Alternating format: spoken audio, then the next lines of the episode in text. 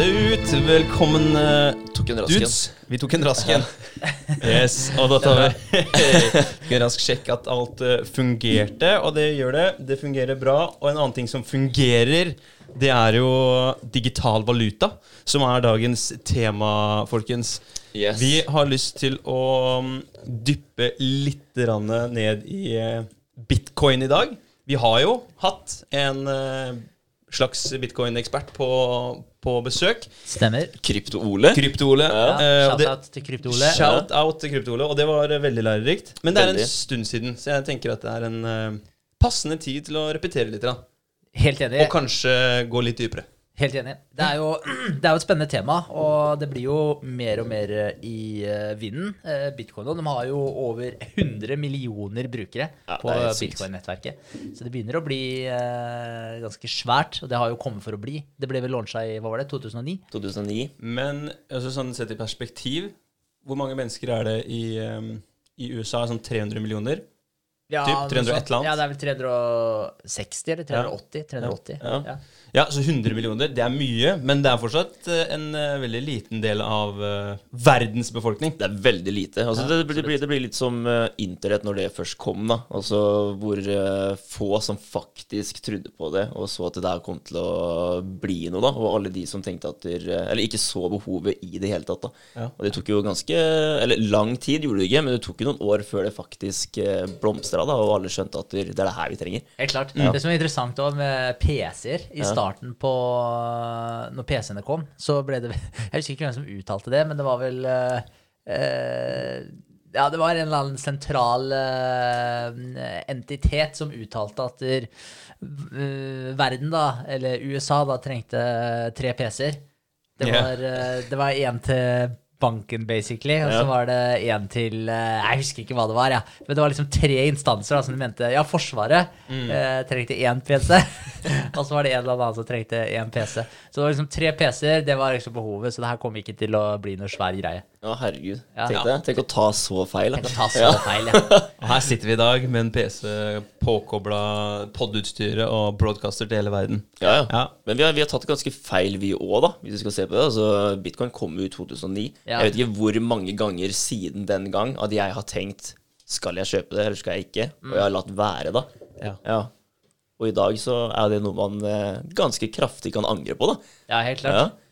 Det er helt klart. Det er, men det er, det er vanskelig alltid, før man på en måte setter seg ordentlig inn i det. Hvis man hadde vært eh, litt lurere, så hadde man jo faktisk, med en gang man hørte om bitcoin, så hadde man tenkt ok, hva er bitcoin? Og så hadde man satt seg inn i hva bitcoin er, og så kunne man tatt en avgjørelse ut ifra det. Fordi man eh, blir så ofte farga av det bildet man får i medier, og som alle andre prater om. Altså, det er så mange som prater om bitcoin, og så er det så sykt mange som er så skeptiske. Eh, og så hører man alltid alt det negative, og så er det med å farge synet man har på bitcoin. Men så er det sånn altså 99% av de som prater om bitcoin, eller bare slenger ut en setning om bitcoin, de aner jo ikke hva det er. Nei. De ser jo på bitcoin og ethereum som det samme. Og det er jo ikke det samme. Overhodet ikke. Så, så jeg tror det har litt med det å gjøre òg. Ja. det er veldig lett å slenge seg på den eh, trenden. Eh, krypto er litt sketchy, da. Ja, det er høy eh, eh, Hva heter det på norsk Eh, Volatilitet. vol- vol- ja, volatility. Volatilitet, ja. Volatilitet, ja. Så, så, så da er det lett å bare slenge ut den. da. Eh, høy volatilitet, det er, det er skummelt. Ja. Og så er det sånn eh, Ja, men så aner du egentlig ikke hva det er, men du bare slenger ut en litt sånn seminegativ setning om det, og så Ja, det blir litt sånn som å møte en ny eh, person for første gang. Du får veldig fort et førsteinntrykk. Det er liksom typ noen sekunder, så har du danna deg et bilde av Å, det er den personen her. Litt sånn uh, cranky type, eller et eller annet sånt noe. Det samme er det med, med bitcoin. Jeg tror jeg kan huske liksom første gang jeg hørte om bitcoin, så var det noen som slang dritt om bitcoin. ikke sant? At hvor, eh, hvor skummelt det var, og det var involvert i transaksjoner på the dark web uh, osv. Ja. Perfekt Og Perfekt da- for kriminelle. Ikke sant, Perfekt for kriminelle. Og det, og det ikke sant, førsteinntrykket har jo slått rot ikke sant, og bare vært baki der hver gang bitcoin har kommet opp som et tema. Fram til man faktisk fikk eh, folk til å snakke litt nyansert om det og, og forklare hva det, hva det er. da. Og det som er en fordel i dag også, er jo at det er veldig mange som er veldig dyktige på bitcoin i dag, som, vet, eh, som virkelig har dykka ned i materien og vet eh, hva det dreier seg om, og bruksområder, og hvordan det her kan se ut framover i tid. Mm. Så, så man har jo mye informasjon mye lettere tilgjengelig i dag også da, enn man hadde de første gangene man hørte om det. Men eh, bare for å kommentere det og i forhold til kriminalitet For det er, også, det er jo en ting som eh, har blitt kasta mye ut der. At det, nei, det er bare for kriminelle og sånn. Altså under 2% av eh, bitcoin-forbruket, eller bitcoin-transaksjonene, Ja. eh, blir brukt til eh, kriminell aktivitet. Og, og det er ganske lite. Da kan du tenke dere hvor mye cash da blir brukt til Ja, om. kriminalitet. Og bare tenk på Visa og sånn òg. Altså bare kredittkort. Hvor mange Mm. der er det ikke som uh, stjeler kredittkorta til folk og bruker det casha der til uh, Det er jo kjempeenkelt. Ja, ja. Så, så det er sånn Så det, det blir svartmalt. Ja. Men en av grunnene også til at jeg uh, tror, eller tror, vet at det blir svartmalt, det er jo fra uh, altså land da, som ønsker å ha mer kontroll på befolkningen sin. De ønsker jo ikke å ha et desentralisert pengesystem, for det betyr at de har ikke noe kontroll på hva du bruker pengene dine på. Og hvis du har et desentralisert pengesystem, så mister staten noe av grepet sitt på befolkningen. Og åpenbart da, hvis du har et uh, litt mer uh, totalitært uh, styre, så, så er jo de selvfølgelig anti-bitcoin, eller anti-krypto generelt, fordi de, de har ikke kontroll på pengebruken din. Det er vel litt der vi er på vei òg, at eh, land faktisk har lyst til å kunne styre mer da, og ha mer kontroll på oss. Med, altså, med den eh, kryptoen, desentralisert krypto, da har de ikke kontroll. Men er det ikke sånn at eh, vi kan faktisk komme dit da, at hvis du, hvis du drar for langt vekk fra byen din, så, så kan du bare Du kan bare sperre kontoen din, basically. Si til at du får ikke lov til å bruke penger her fordi du er for langt unna, eller du har brukt for mye den måneden her, da. Ja, så da tømmer vi Eller hvis du har brukt for lite, da, så mister du resten. Du får ikke muligheten til å spare lenger. Du får et visst beløp, og det beløpet her må brukes opp i løpet av måneden, eller så forsvinner det, da. Ja, Ja. ja, ja og, det er, eh, og det er absolutt ikke utenkelig at vi, at vi kommer dit. Altså Hvis du ser på World Economic Forum, da, som er eh, jeg vet ikke, en av tidene, tidenes mest uh, horrible organisasjoner, spør du meg. Sånn bare sånn i forhold til Hvis du ser på Klaus Schwab, hvis, Ja, du, ser på, Schwab, ja, hvis du ser på hva han preacher, da Det er jo alt annet enn frihet. Ja. Det er alt annet enn frihet. Og der snakker du jo om eh, Han driver og snakker om at du skal chippe folk, at du skal måle karbonavtrykket til enkeltpersoner. Eh, de snakker om de her Jeg husker ikke hva de kaller det. Om det er timinuttersbyer eller femminuttersbyer, eller hva de kaller det. Så, der er liksom målet å lage små byer hvor du har tilgang til alt du trenger innenfor bare en sånn femminutters, timinutters radie. Jeg husker, Det kan hende det er 15 minutters byer, og jeg husker ikke hva de kaller det. Og da skal du liksom ha alt tilgjengelig der.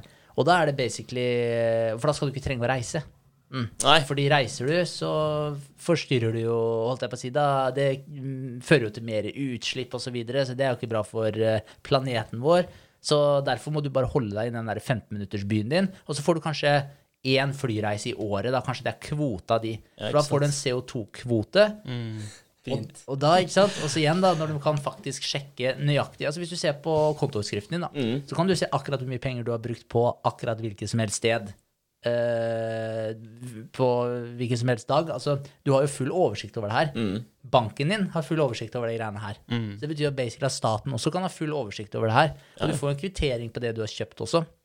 Så det betyr at du kan jo legge på en, en CO2-andel på hver av varene du har kjøpt.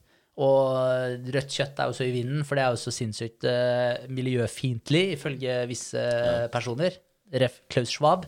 Så da kan du jo legge på en, eh, en Da har du en CO2-kvote. Og hvis du har kjøpt for mye, CO, uh, mye kjøtt, da, uh, så har du brukt opp CO2-kvota di det, den måneden, og da blir kortet ditt denia. Da får du ikke brukt penger til å kjøpe den greia her. Så, så gjennom uh, at de har kontroll på pengebruken din, så har de faktisk full kontroll på livet ditt. Ja, og det er en skremmende tanke. Og så er det folk som sier eh, for å fullføre det, så er det folk som sier Nei, men herregud, det her kommer jo aldri til å skje. Er du sikker på det? Ja, se åssen han ser ut, da. Det er jo helt vilt. Jeg fikk helt bakoversveis altså, da vi søkte opp, uh, søkte om han duden der. Hva het han igjen? Klaus Schwab. Klaus Schwab, ja. Han ser Ja. ut som uh, Ser ut som en ja. supervillain. Den supervillen, ja. Han ser Det er tatt rett veldig ut av sant. Marvel. Han, er, ser ut som en supervillain. Vi får han opp her nå. Klaus Schwab. Da har vi han med, med K, faktisk. Ja. Der, der, der. Så det er lederen for World Economic Forum, da. Ja, ja. Han Bare- har, har på seg den onde drakta si også, ser Det vi. er uh, Ja. Det er veldig bra. er type. Ja, er type. gærent, altså. Så, men, men, så, men altså, der er vi. Altså, han snakker faktisk om de tinga her rett ut. Det er ikke sånn at han prøver å legge skjul på de tinga her. Han, han snakker om det her som om det her er den riktige veien å gå. Mm. Og det der er en innflytelsesrik herremann. Så, så det er sånn Vi kan faktisk komme dit. Ja. Altså, det, det handler jo litt om det å vite hva er det jeg kan eh, dytte pengene mine i, da, som, som, tar vare på, som tar vare på pengene mine. da, at at det er der. Det er ingen som kan ta det fra meg. Det kan ikke forsvinne på noen måte. da, Og det er sånn Si, si eiendom, da. Kjøper du, Har du masse eiendom? Det kan faktisk bli tatt fra deg. altså. Det, er ikke, det er ikke trygt. Det er ikke sånn at du eier den her og Altså, du eier det, men du eier det egentlig ikke. Fordi staten og landet kan faktisk bare ta det fra deg. Absolutt. Ja. Ta vare på pengene dine, men også ta vare på friheten din, blir jo egentlig en, eh, en statement der, da. ja. Basically. Helt klart. Ja, det er jo de to aspektene der som du er inne på. Du må ha pengene dine i et eller annet, eller ha verdien din da, i et eller annet som faktisk holder på verdien, samtidig som at, det er, at du er fri til å bruke det og ta det med deg dit du vil også, og at ingen faktisk kan ta det fra deg. Det er jo to basic prinsipper som du er ute etter når det kommer til uh, verdien din. Mm. For der har du faktisk løsningen, da. Eh, hvis, vi, hvis vi kommer til de femminuttersbyene, og de kontrollerer pengene dine, så er det, jo, er det jo bitcoin da, som er løsningen. Fordi du kan ikke kontrollere det. Du har ikke oversikt over hva du faktisk sitter på. Nei.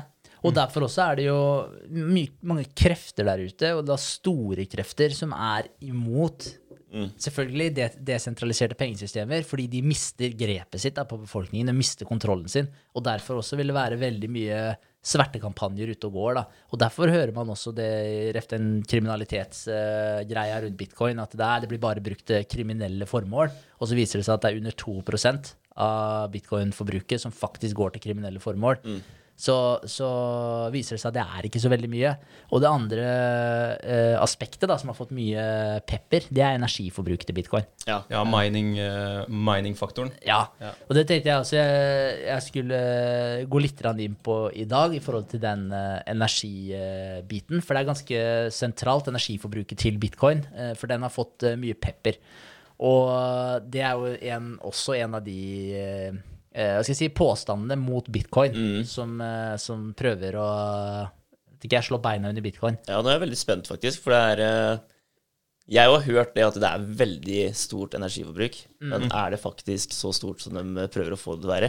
Bitcoin, altså Bitcoin bruker eh, per i dag, eller på, den, eh, på det meste, så har Bitcoin brukt ca. 0,1 0,1% av verdens energiforbruk. Ja. Og så kan det høres eh, OK, det er forholdsvis mye. Men uh, sammenligna med andre industrier, så, er, så tilsvarer det det samme energiforbruket som cruiseskipindustrien. Altså ferieringa til folk. da, Cruiseskipindustrien bruker ca. den samme. Og eh, jeg titta, søkte kjapt opp det. Eh, det er cruiseskipindustrien. De har ca. 30 millioner eh, man kaller det brukere per år.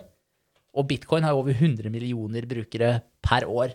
Eh, så cruiseskipindustrien, der har du et, eh, et eh, segment da, som 30 millioner mennesker benytter seg av i året. Og bitcoin, det er over 100 millioner mennesker som benytter seg av det i året. Og så har de ca. samme energiforbruket.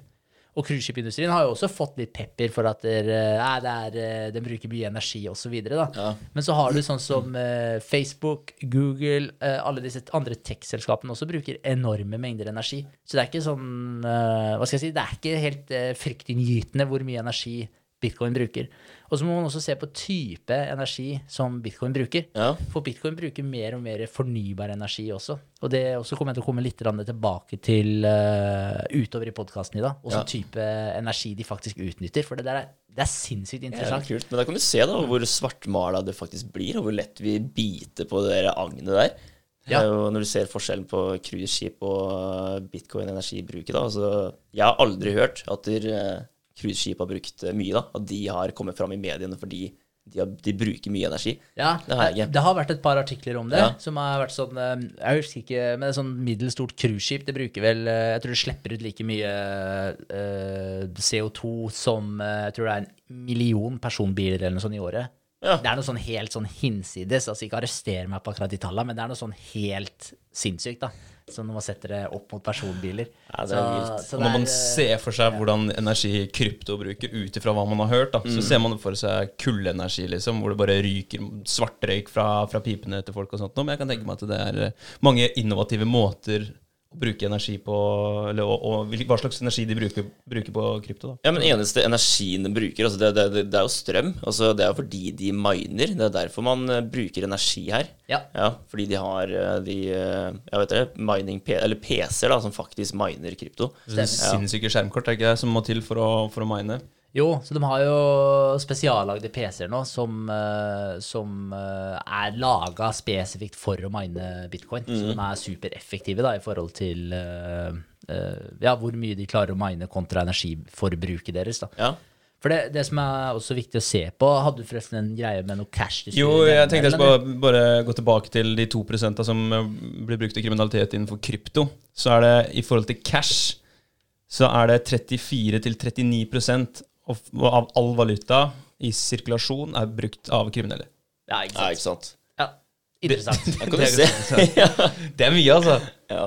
Men det er skummelt da, altså for, eh, for eh, banker, for de private sektorene, at eh, bitcoin er såpass i vinden. Altså, det er jo et enormt tap for de. Ja. Ja, ja, Det er jo veldig skummelt. Altså, de, jeg, jeg skjønner jo på en måte at de kjemper for at det her ikke skal gå, fordi de taper jo alt. Det er akkurat det. Og det er også en viktig greie å, å ha litt i bakhodet altså, å tenke på. Og det, og det gjelder ikke bare når vi snakker om bitcoin versus tradisjonelle pengesystemer nå. Det, gjelder jo egentlig alle aspekter der ute. Med All gang- innovasjon, ja, tenker jeg. ja, det er akkurat det. Fordi med en gang det kommer noe konkurranse på banen, så vil jo de etablerte, som som regel også kanskje er veldig pengesterke, de vil jo jobbe mot og at eh, nye innovative verktøy skal komme opp og fram. For det betyr jo kanskje at de dinosaurene dør ut.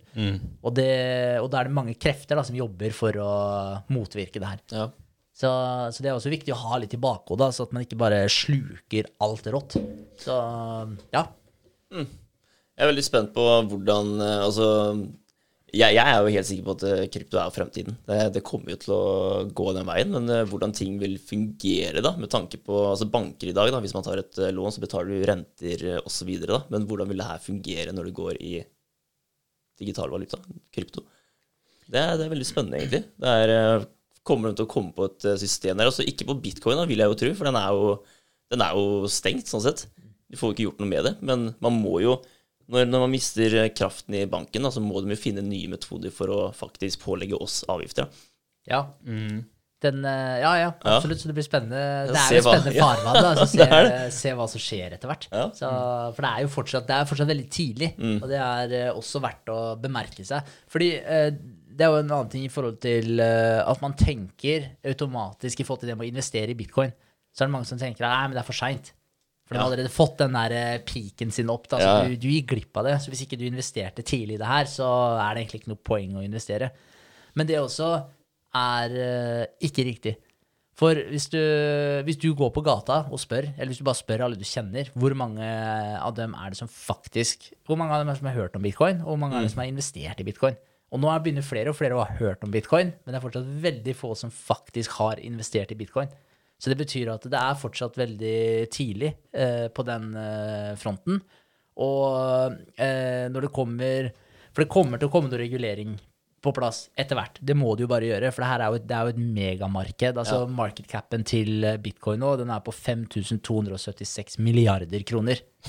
Så det er ganske mye. Ja, Altså. det er mye. Hvor mye penger er det egentlig? Ja, det, er, det er jo helt Det er sinnssykt. ja, ja. så du har liksom 5,3 typ da, billiarder, Mm. Blir ikke det? Billioner heter det på norsk. Billioner Ja, er kroner i det markedet her. Så det, det er jo et enormt marked. Ja. Og det også viser jo at det, det er mye verdi her. Det er mange som har troa på det her og lagrer pengene sine i det her.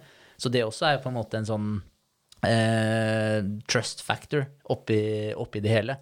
Men det er jo sånn Åpenbart så vil jo store fond og sånn vil jo eksponere seg for det markedet her på sikt. Men de tør ikke før det har kommet en ordentlig regulering på plass. Så med en gang den reguleringa kommer på plass også, så kommer jo store fond til å allokere en bitte liten prosentandel av portefølja si. Det kan være en halv prosent, det kan være 0,1% altså hvem vet, inn mot eh, bitcoin. Og når de gjør det, så kommer det til å flyte eh, hundrevis av milliarder av kroner inn i, inn i kryptomarkedet, og da spesielt bitcoin, for bitcoin er den mest etablerte og desentraliserte eh, kryptoen som er der ute. Og da kommer pengene til å flyte i bitcoin, og da kommer også prisen til å skyte i været. Så Ja. hvis du på en måte er før det her skjer, da, som med all sannsynlighet kommer til å skje, så er det også stor sannsynlighet for at der, eh, det kan gange seg med mye. Det er spådommer der ute som sier at bitcoin, og det her kommer fra da store investeringsselskaper, Ja. eh, som har spådd eh, at bitcoin, at én bitcoin kan bli verdt én million dollar innen 2030. ja, det er helt sykt. Mm. Det er Og i, helt sykt. og i dag er den verdt 26 000 dollar. Så det var nesten sånn 30-gangen, da. Det Mm. er mer enn det òg. Litt i overkant av 30-gangen. Og da trenger man heller ikke å tenke at jeg må ha en hel bitcoin, eller flere bitcoin. Altså, litt er jo helt klart bedre enn ingenting. Helt klart. Ja, når, det, når vi snakker om eh, så, en så stor mulighet da, til at det kan ganges opp eh, Ja, hvor mange ganger kan det bli? 30 ganger?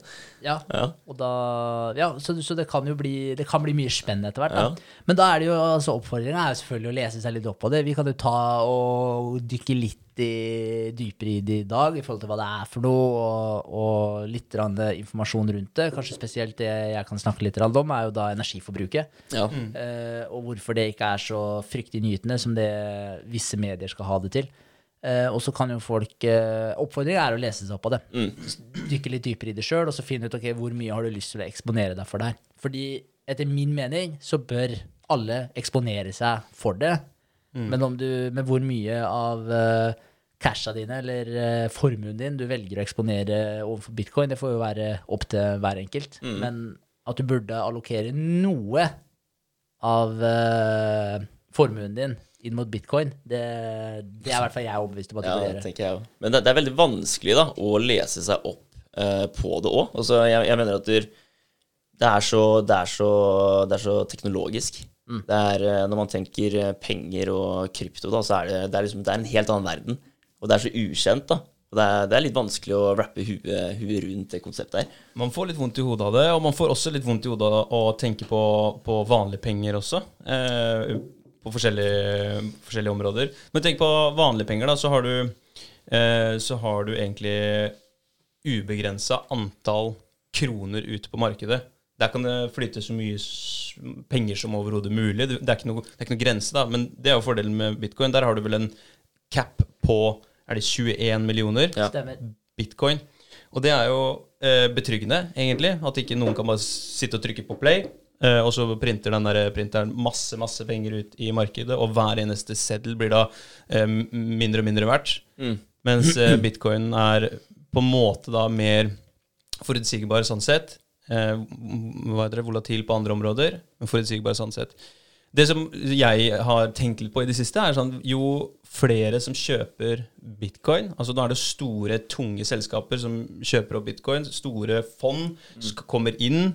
ehm, da blir jo én bitcoin verdt veldig, veldig mye, og så blir det bare eh, vanskeligere for andre mennesker kanskje å få tak i bitcoin. Jeg vet ikke åssen det der funker. Eller åssen blir det? Nei, men du gjør jo ikke det, for Nei. du kjøper jo deler Altså, du, du trenger ikke å kjøpe en hel bitcoin. Du kan jo kjøpe 0,001 Ja, ikke sant, du av en bitcoin. fraksjoner. Ja, Ja, stemmer. ja, ok, ja, men Så fraksjonene kommer jo til å bli uendelig store, da. Men det har jo Ja. ikke noe å si. Det har egentlig ingenting Nei, å si. nei, nei. For da er det sånn, eier du én bitcoin, eller hvis du eier 0,1 bitcoin, altså når verdien skyter i været, så vil du fortsatt ha mye eh, cash, da. Ikke cash, du har mye verdi Mm. Ja, i bitcoin. Så, så, eh, så det vil jo egentlig ikke ha noe å si. Så, når, eh, så sammen, altså hvis du hadde hatt én bitcoin i dag, så hadde du hatt 260 60, 000 kroner. Eh, hvis, du, uh, hvis den er verdt en million dollar, altså en bitcoin er verdt ca. 10 millioner kroner i 2030, har du 0,1 bitcoin da, så har du en million. Så, så, mm, så det har jo egentlig ikke noe å si, fordi verdien her vil stige på sikt. da, altså Hvis det her blir adoptert av flere brukere, og fond osv. eksponerer seg for det, og så, videre, så folk begynner å se enda flere folk begynner å se verdien i det, og verdien på det øker, så, så vil jo det også gagne alle som har investert i bitcoin. Og, de, og de fraksjonene, da, det er jo et uttrykk som heter satoshis. Ja. Og det er jo en milliondel av en bitcoin. Ok. Og det kommer også mest sannsynlig til å bli Det blir bare mer og mer brukt som en benevnelse. For jo høyere verdi bitcoin får, jo uh, mer uh, fornuftig er det jo å bruke uttrykk på fraksjoner av det. Ja, for det, ble, det gikk noe mening å gå på butikken og kjøpe en banan for 0,003 bitcoin, eller hva det blir da. Nettopp. Så, så derfor har vi jo ja, vi har jo millioner, eller vi har tusenlapper, vi har hundrelapper, vi har kroner, vi har øre. altså det, er jo, det blir jo samme opplegget. Ja. Her har du en milliondel av en bitcoin, da, som er en satoshi. Kult, kult. Ja. Og det er vel egentlig oppkalt etter han eller den gruppa, de, eller det pseudonymet på den personen eller den gruppa som er gudfaren eller opphavet til eh, bitcoin, Satoshi Nakamoto. Ja, noe Nakamoto, ja. sånt. ja, Ja, det stemmer. Ja, ja, ja. Det er det. det, er det. Men man kan jo si at bitcoin, med tanke på at det bare er 21 millioner bitcoins, så, så gir jo den det eh, Det blir jo en motstander for inflasjon. Absolutt. Ja. Ja, du får ikke inflasjon i bitcoin da. Nei. Nei. Og det, det også er jo et eh, nøkkelpoeng, som egentlig begge dere har vært inne på der, at du har en maks cap på antall bitcoin. Så du har maks 21 millioner bitcoin. Og det Se for dere dollaren, da. Det er veldig interessant nå, for etter covid etter covid, altså jeg tror det var i de to åra under covid, så printa Federal Reserve i statene den printa 40% altså 40% av alle pengene som har vært printa i eh, USA sin eh, jeg vet ikke hva det er, 200 pluss historie, ble printa de to åra under covid. 40 Det er helt vilt, Ja, og, og, det er Ja. sånn, og hvis man bare tenker helt logisk på det, da, samme hva man vet om penger eh, og verdier osv. fra før Se for deg at du har én dollar, og den finnes det så og så mange av. Og nå finnes det brått 40% mer av den dollaren. Åpenbart så er ikke den dollaren her like mye verdt som det den var før. Se for deg at du har en gullklump.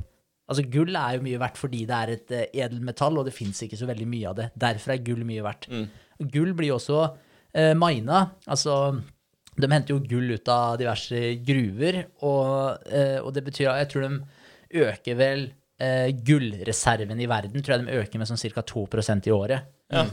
Og det betyr at det blir 2% mer gull der ute på markedet. Så det betyr at inflasjonen også på gull er jo 2% fordi det blir 2% mer gull på markedet hvert år. Så da- gullklokka di blir mindre hvert eneste, hvert eneste år. ja, altså, men det er jo igjen ting som påvirker det. Men i utgangspunktet, ja. Gull blir uh, verdt mindre, 2% mindre hvert eneste år. Eh, men det er jo mye som styrer det også, da, i forhold til hva som skjer uh, rundt omkring i verden. Om det er fordel å holde gull eller ikke. Altså, det er jo andre ting som spiller inn på verdien nå. Men sånn gull i seg sjøl Supplyen øker med 2% i året. Ja. Dermed går verdien ned 2% i året. Jeg syns det var så fucka ass da jeg hørte den. Det var han Michael Saylor som sa det, med tanke på verdi. Når du ser på huset ditt, da, du tar en takst av huset, og du tenker at ah, shit, det har steget mye i verdi. Men det har ikke det. Det er kjøpskraften din som har blitt dårligere. Så det er ikke det at huset ditt stiger i verdi, men det betyr at den summen du brukte for å kjøpe huset ditt den gangen, det holder ikke lenger med den samme summen for å kjøpe huset ti år etterpå. da. Ja. Det er ikke nok. Pengene er ikke verdt det. Nei, det er ikke like verdt det, fordi du bare printer og printer, ikke sant? så du mister verdien. da. Ja, og det også er veldig eh, interessant å tenke på, at eh, inflasjonen den, den slår ut på forskjellige områder. Og det ser man veldig på boligmarkedet nå, hvor prisene er helt hinsides. Og det huset som du er inne på, det huset du fikk kjøpt for så og så mange penger før, det, det får du ikke kjøpt Det må du kanskje ut med 20-30 eh, mer penger for å få det samme huset. Og da er det jo åpenbart, når man sier det på den måten, så er det jo pengene dine som har blitt mindre verdt. Men, Men, men det er en del av det, da, det skal Ja. sies. Fordi det er jo også begrensa antall tomter der ute. Så hvis det er et hus som ligger midt i en by, da, eh, og du tar den siste tomta, Mm. så blir den tomta mer verdt når eh, det går så og så mange år, og ingen selger husene sine. ja, Det er På en måte, så På en måte, altså Det er jo egentlig en hedge mot uh, altså Fordi det som skjer, er jo at der, hvis du bare hadde hatt pengene dine i cash, da, så hadde du ikke klart å kjøpe det huset. Men hadde du kjøpt det huset og hatt pengene dine, på en måte verdien din, lagra i huset, så hadde på en måte huset økt i verdi. Så hvis du hadde solgt det igjen, så hadde du fått tilbake mer penger enn det du kjøpte det for. Men det er pengene som har blitt mindre verdt, men du har på en måte en hedge da, mot faktisk inflasjonen. Ja. Så å kjøpe et hus jo, kan, kan jo være en veldig god hedge mot inflasjonen. Men, men, det, men det er motsatt å tenke på det. At det er ikke i utgangspunktet huset som blir mer verdt. Det er pengene dine som faktisk Eller kjøpskraften din som blir dårligere Mm. av inflasjonen. Men ja, det er en god hedge mot inflasjon. Så det er mye bedre enn å ha pengene dine i banken. mm. For. Det, det er et dårlig hedge. Ja. Ja. Men jeg mener jeg så også at uh, bitcoin er vel en av de Det er vel den som har prestert best, altså i år, da. Økning i prosenter i forhold til eh, alt annet, egentlig. Eiendomsmarkedet, aksjer osv. Så, videre, så har eh, bitcoin steget med 50% i år. Det er såpass? Ja. Ja. Så, og det er det ingen andre som har gjort. Så den uh, utkonkurrerer de fleste, da. Helt klart. Mm. Så det er ganske tøft. For jeg har alltid vært en sånn eiendomsdude. Ikke sant? Jeg har alltid tenkt at der, Fader, altså, jeg har lyst på en tomannsbolig, da. Ikke sant? Men det er så mye ekstra utgifter der da, som jeg ikke tenker på. Altså, du kjøper en tomannsbolig hvor du vet, så å si, at eh, ja, 20 år fram i tid, så er jeg nødt til å bruke en ganske god sum da, på å bytte taket, eller vinduer, eller kledning, eller hva enn det skulle være. Da, så kommer det stadig vekk utgifter da, som du er nødt til å gå ut med for å, for å holde det ved like. da. Og det trenger du ikke på bitcoin. Mm. Vinduer og ikke. Ja, men, Ja, ja, ja, det er jeg, sant. jeg, jeg har gjort det. Ja. Så jeg, jeg også snakka med dere forrige helg, var det vel, om akkurat det her. At eh, jeg vurderer å ta ut pengene av den tomannsboligen og gå inn litt på, på krypto og litt andre steder. Ha, eksponere meg for flere ting da Ja. enn kun eiendom og f.eks. fond. Mm. Ikke sant? Det, det er lurt å Mm. tenke litt i, i sånne baner. Altså, ja, Om det er lurt å selge den eller ikke, det vil jo tiden vise. Men eh, det er uansett lurt å tenke litt over det. Og så Ja, for man må jo allokere Altså man allokerer jo tiden sin også eh, til eh, utleie. Så hvis du har tiden til det, så er det definitivt eh, utleie er, eh, og tomannsbolig, tremannsbolig, firemannsbolig. Det er, eh, det er bedre det enn å ikke plassere pengene sine noe sted. For der, der vet du hvor pengene er. Men altså, huset kan brenne ned, og så er det mye greier som skjer. da Altså Du må fikse ting, kjøre opp dit og ordne ting hele tiden. Så det er sånn Valg av, eh, valg av bruk av tid og krefter og ressurser, da, egentlig. Ja. Det er veldig sant. Jeg likte Vi så jo på en uh, podkast av han Michael Saylor når vi kjørte Vi var jo på Tyskland-tur og dro hjem derfra. Og på natta der så så vi på en eh, YouTube-video. Eh, jeg så ikke så mye, da. Jeg kjørte bilen, så jeg hørte på. Men eh, greit nok, det. Og jeg, jeg mener at når det er en dude som han, da Altså, han er jo Hvor gammel er han egentlig? Han er jo oppe i 50-åra. ja, opp i 50, ja. ja, starta tech-selskap for mange mange år siden og drevet det her veldig bra. Han gjør det jo veldig bra. En smart fyr, liksom. Og han har undersøkt hele markedet. da. Han har sjekka hva er det, hva er egentlig det beste da, å dytte pengene sine i. Hva er det som er tryggest? Og han har, han har jo sett på eiendom, han har sett på aksjer, han har ja, ikke sant, alt mulig egentlig. da. Kunst. Ja, han har sjekka, han har sjekka det man kan sjekke, da. Det har han, og det sier han jo. Og så så kommer han fram til at det er bitcoin da, som eh, stilles eh, sterkest. Ut ifra alt, eh, alt annet der ute. Og det er sånn herre, ja, ok. Og når, når jeg sitter her, da, en dude som ikke har undersøkt noen ting, jeg har lest litt om bitcoin, sett noen videoer, da, og føler at det er, jeg, jeg hadde aldri klart å undersøke det på den måten som han har gjort det. da. og få en, så når han sier det, så føler jeg at det er en ganske overbevisende grunn da, til å For han, gå for ja, for han hadde brukt sånn ca. 100 timer på å kun dypdykke i hvor han skulle plassere pengene. Og der er jo da pengene til veldig mange andre mennesker og han er ansvarlig for. Må jo merke oss det at han, han forvalter vel penger, hundrevis av millioner for andre investorer også. Så det betyr det at han har jo tilliten til veldig mange andre pengesterke mennesker, som også har tilliten til han igjen. Og han, når han da velger å plassere det i krypto, så er det en ganske heavy statement da, at det var hva fremtiden er i hans og deres øyne. Og det er hundrevis av millioner da det er snakk om. Det er det. Absolutt. De hadde jo, ja, for de hadde jo fem milliarder eh, kroner, da, altså 500 millioner dollar på, på bok, basically, som han var sånn Hvor skal vi plassere det? Ja, hvor skal vi plassere det her? Fordi, for det han hadde lyst til å sikre seg mot, var jo inflasjon. Ja. Fordi inflasjonen spiser opp casha dine. Så hvis du tenker at hvis du hadde hatt eh, 10% inflasjon i året, så vil jo det her bli en eh, Det vil jo bli en negativ eksponentiell kurve da, i forhold til verdien på pengene dine. For den blir 10% mindre verdt eh, det ene året, og så blir den jo 10% mindre verdt av det igjen eh, det andre året. Så det her vil jo til slutt så har du jo nesten ikke cash i det hele tatt. Så sånn Ja, du har like mange kroner, Ja. men kroner er ikke Altså kjøpskrafta di har gått skikkelig til helsike, da, fordi alt annet har blitt dyrere. Så det var jo det han hadde lyst til å på en måte Ja, eh, hedge seg mot, sikre seg mot. Og da bestemte han seg for å investere i bitcoin. Og det som også er kult å tenke på i forbindelse med han For det er jo sånn i forhold til Ok, hvor mye tid skal du bruke på å lese deg på det, eh, på det her sjøl? Og så er det sånn, ok, har du kapasiteten til å skjønne alt sammen? Uh, har du ork eller interessen for å sette deg så mye inn i det? Og hvis du ikke har, eh, hvis du ikke har det, så kan det jo være sånn, ok, hvem andre er det som har gjort det her? Stoler du på dem? Du kan jo høre mye på podkasten osv. Eh, for han er jo mye ute og prater om det her. Eh, men eh, hvis man ikke har lyst til å sette seg så mye inn i det, så er det sånn Ok, han har investert da eh, milliarder kroner for eh, MicroStrategy, som er selskapet hans, og investorene inn i det selskapet. Så, eh, så de kjøpte og de, har, de eier vel over 120 000 bitcoin, mener jeg, sånn cirka. Ja. Og så personlig så har han kjøpt 17 000 bitcoin. Personlig utafor firmaet. Så har han gått inn og egentlig lagra jeg tror det er typ 90% av formuen hans i bitcoin. Så, han- sykt, så han har virkelig gått inn for det og mener at det, det er det her som er det riktige, og at det her er veldig tidlig. Og han, han kjøpte det her på en gjennomsnittspris, tror jeg, på 27 000 dollar. Cirka der hvor bitcoin ligger nå. Ja.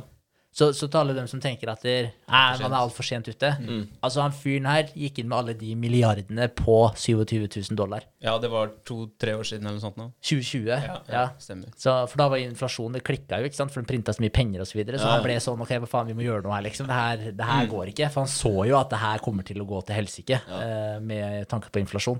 Mm. Så, så det var da han eh, bestemte seg for å gjøre det. Sykt, ass. Så det er fascinerende og interessant også. og Det, det er bare å søke opp han fyren der, da. Så han uh, har mye interessante podkaster hvor han prater om bitcoin. Ja, jeg syns det.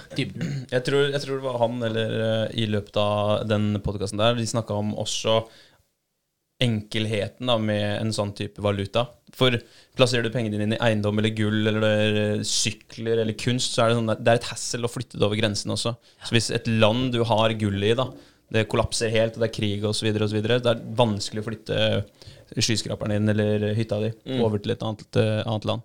Så det også er jo noe man må tenke på når man plasserer pengene sine et sted, og man plasserer det i, i en bolig eller, eller i kunst. Det er veldig At, sant. Det er risiko i alt man gjør. Bitcoin vet ikke om eh, noen stor risiko helt enda. Jeg har ikke liksom det er jo, Hvis du driter deg ut og glemmer passordet ditt på, på den eh, godeste walleten din, da. Mm. Det er vel kanskje største risikoen. Ja, men det er jo faktisk så sikkert da, at du Og Altså møter du på raner i gata, da, og du går med en eh, lommebok full av penger, og han peker den pistolen mot eh, hodet ditt, så, så gir du veldig fort uh, den lommeboka, da, som er full av penger. Eller så kan han bare skyte deg da, og ta lommeboka. Men med bitcoin, da, når du har det der personlige passordet, det hemmelige passordet Det eneste han kan gjøre, er faktisk bare å skyte. For han, han får ingenting, da. Nei. Nei, han kan med mindre du sier det passordet her, da. Men du nekter jo, du nekter jo det. Du gjør jo ikke det. Nei. Nei da mister du hele formen din. Ja, og han, og han kan jo ikke kontrollere heller om du har en ledger som du har masse bitcoin på. Han har ikke peiling. Nei, nei. Så- Du kan bare si at jeg har ingenting, jeg. Og så får han bare velge sjøl. Skal jeg skyte eller skal jeg gå? Ja, Ja. det blir jo basically det. Ja. Så, det en, så du har en veldig sikkerhet sånn sett, ja. Mm. Og det er litt interessant, for du leser historier også om eh, flyktninger fra forskjellige land eh, som også har eh, eh, Ja, de får ikke med seg noen ting av det de eier. Mm. Og kanskje de eier veldig lite også, men, eh, men de har ikke mulighet til å få med seg mer enn det de kan bære. Det de kan ta på ryggen, og det de kan holde i hendene. Men med bitcoin også, hvis du husker den eh, koden din, eller de orda, som er den private keyen din, så, så kan du med en enkel internettilkobling så kan du få tak i formuen din på, fra en hvilken som helst lokasjon. Så det betyr at du kan huske de tolv orda, og så kan du stikke akkurat hvor du vil. Og du, kan, du trenger ikke ha med deg noen verdens ting. Da. Så du kan se ut som verdens fattigste flyktning, og så kommer du til et sted med en uh, internet-connection, og så kan du få tilgang til bitcoin bitcoinen din Mm. Hele formuen din, som du kan ta med deg. Hvilken som helst krypto, da. Bare, Ja. Det er ikke bare bitcoin. Det er ikke bare bitcoin. Det er ikke det. Så, så det gir jo en eh, enorm frihet. Jeg tenkte også før vi dykker inn på det med eh, Altså, hva skal jeg si, vi snakka litt, litt om mining i stad også. Ja. Og energiforbruket. Så før vi stikker eh, inn på det, så kan jeg bare nevne noen sånne ålreite Å, shit! Det går bra. Jeg setter i halsen. Ja. Ta deg litt vann. ta deg litt vann Men eh, en, er det en wallet og en ledger, bare for å forklare det til folk, er det akkurat det samme? En ledger En ledger, det, hva er det? En hovedbok? En, eh, altså det, er, det er jo en harddisk som du, som du overfører Du overfører ikke bitcoin til den heller, gjør du det? Altså den, den ligger jo Hvordan er det egentlig? Altså, den ledgeren, det er jo eh, Altså, Ledger, det er jo et selskap som heter Ledger. Ja. Okay, Men det er jo en journal, Ja. så, det, så den refererer jo på en måte til eh, den journalen som da eh, bitcoin blir ført på. Og det er jo en åpen journal eh, som bitcoin blir ført Ja. på. Og den er jo tilgjengelig for absolutt alle. Så det er jo en full transparent eh, journal. Og det er jo det som det refererer til, men den walleten, det er egentlig bare din måte å knytte deg opp mot bitcoin-nettverket på og få tak i dine eh, bitcoins. Og kunne gjøre det du vil med dem, da, sende dem eller kjøpe ting osv. Så, videre. så Så den walleten din er jo egentlig Du lagrer jo ikke bitcoinene dine på Selv om du har en cold wallet, så lagrer Ja. du jo ikke bitcoinene dine fysisk på den cold walleten. Det er bare din eh, nøkkel for å få tilgang til eh, bitcoin-nettverket. Ja, og tenkte, ja. ha tilgang til bitcoinen din. Så det ligger jo på en måte, alt sammen ligger bare på nettverket. Det er jo, det, det er jo kode, alt sammen. Og det med at eh, alle transaksjoner er eh, synlige også, eh, men ikke du som person. Du er anonym, men alt av transaksjoner det, er synlig for alle som kan Ja, du kan se det. Du er anonym helt fram til du velger å ikke være anonym lenger, sikkert. Ja, du kan jo se, hvis du, noen vet hvilken lommebok som tilhører deg, så går det an å se hvilke transaksjoner den lommeboka har gjort på nettverket. Ja. Så det har man jo full oversikt over. Det har man. Men uh, nå fikk jeg vekk rusk i halsen. Ja, bra. Så jeg tenkte jeg bare skulle nevne de historiene, for det, det er litt kult. Det blir litt lesing, men jeg tenkte sånn i forhold til det med bruksområdene også, og verdien da for folk eh, som man kanskje ikke tenker på. Altså, vi snakka akkurat om flyktninger. Hva for en vanvittig verdi det her kan ha for flyktninger. Men, eh, men generelt så er det, det er mange typer bruksområder som man ikke tenker på til vanlig, da, hvor bitcoin gir en enorm frihet. Så jeg tenkte bare å lese noen av de, for det er fra en uh, artikkel som jeg leste for uh, ja, ikke så lenge siden, et par uker siden. Men uh, Reuters da rapporterte i februar 2021 hvordan eh, russisk opposisjonsleder og antikorrupsjonsadvokat brukte bitcoin som en, eh, som en eh, betalingsmåte da, for å unngå eh, sensur av eh, Putin, egentlig. Putin sine autoriteter. Eh, og det som eh, Putin svarte med da, det var at de drev og blokka da, alle betalingsmåtene. Så det her var jo opposisjon til Putin. Så det som skjedde, var at eh, de var ute og protesterte osv. Men så tok jo staten basically, og for å sensurere dem, så blokka de transaksjonene deres. Ja, Så de blokka betalingsmetodikken deres. Så det som skjedde, var jo at de eh, ikke klarte lenger å få eh, Ja, hva skal jeg si? Få iscenesatt det de måtte iscenesette, da. Så de, eh, de mista jo tilgang til eh, alle funsa sine. Så det de begynte med da, var jo å begynne å holde på i krypto i stedet. For det har ikke da Putin og regjeringa hans, de har ikke muligheter til å eh, ha noe kontroll, utøve noe kontroll over bitcoin. Og da fikk de kjørt sine kampanjer osv. som en motstander da, til Putin, eh, uten at han klarte å sensurere dem. Så det her var helt nøkkel da, for dem uh, til å faktisk eh, klare å få ytra meningene sine da, i et uh, land som ellers er fullt av sensur. Eh, en annen var The Guardian, som rapporterte i juli 2021. Eh, det var bare å den på engelsk, egentlig. Da. Det handla egentlig om nigerianske kjøpmenn og protestgrupper eh, som eh, brukte bitcoin igjen da, eh, til å eh, Igjen til å, til å protestere egentlig mot den nigerianske staten. Eh, og dem også igjen drev og kutta betalingene deres osv. for å få dem til å holde kjeft. Og de brukte da eh, bitcoin igjen da, til å jobbe seg rundt det her. Så etter at de hadde fjerna alle funsa til den gruppa her, så tok The Feminist Coalition, uh, a collective of 13 young women founded during the demonstrations, came to a national attention as they raised funds for protest groups and supported demonstration efforts. When the women's accounts were also sus- suspended, uh, the group began taking Bitcoin donations, eventually raising $150,000 for its fighting fund through cryptocurrency. Ah, kult. Så det er jo dritfett. altså Det var folk som donerte penger til saken deres, og det var ingenting da den nigerianske staten kunne gjøre med det. Så det er jo frihet til folket man faktisk snakker om her, da. Eh, Alex Gladstein with the Human Rights Foundation discusses the human rights angle of the Bitcoin network in April 2021.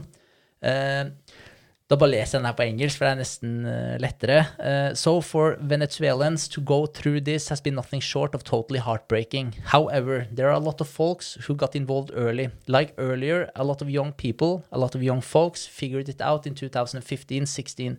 They were mining at the time. One of these guys I interviewed, he actually helped start Leden, which is one of the larger industry services now based out of Canada. Eh, nå skal bare nevnes, Venezuela, økonomien gikk jo skikkelig til helvete. Det ble jo hyperinflasjon, og folk mista egentlig alt de eide. Og da var det noen som starta å mine da, forholdsvis tidlig. But he and his brothers were mining Bitcoin for a couple of years there, and they ended up having to escape. The government came with like an armed squad and seized all their mining equipment. Thankfully, no one got hurt. The government was very perplexed. They saw the mining equipment and they thought that they me- me- they meant they got the Bitcoin, but that's not how it works. So they were able to use the Bitcoin to start a new life in Canada. I thought that was really amazing. I interviewed another guy who escaped to Argentina. He got involved in some sort of dispute with the government where they claimed he was a criminal, even though he wasn't. But now he's able to send money back to his mother, who is in Venezuela, in Bitcoin. She uses it to support herself. There are just so many stories like this. And I think for me, one of the most powerful things, as someone whose family went through the Holocaust, was this idea of like you could flee your country and back, and then and back then you only brought that was on your back, like the clothing on your back. But today you can bring your wealth with you, which is truly remarkable. And I give advice to people who are, for example, leaving Iran these days. Help them out on this. People are selling their homes and they're converting to Bitcoin, and then they're getting on a plane, getting the heck out, and they're bringing it with them in this digital format. People are sending money in and out of Syria to people who are stuck there. Uh, people have escaped countries like Sudan. I interviewed a guy from Sudan, which uh, has a horrible inflation problem, that their inflation is in the hundreds. They have an inflation rate of something like 150 or 200%. And he's living in Europe and he's sending the hardest money around back to his family in Khartoum. And they're able to get by through that. We're early here. Again, I think the estimate based on Coinbase numbers is that maybe 10% of Americans have interacted with Bitcoin or cryptocurrency. Men at det er mye lavere globalt osv. da. Ja. Så, uh, så det altså Det her, da. Det, er, det er så mye bra. altså Bare hør på det der. De skal flykte fra Iran. da Selger huset sitt, konverterer verdien til bitcoin. Så de tar basically med seg formuen sin. Huset sitt tar de med seg basically i hodet sitt til det landet de flykter til. Og så kan de få høste av formuen sin der. Det er jo helt sinnssykt. ja, det er helt sinnssykt. Det er det. Det er frihet igjen, da. Ja. Det er jeg, ja, jeg leste om en fyr som uh, kjøpte en bil i statene med bitcoin.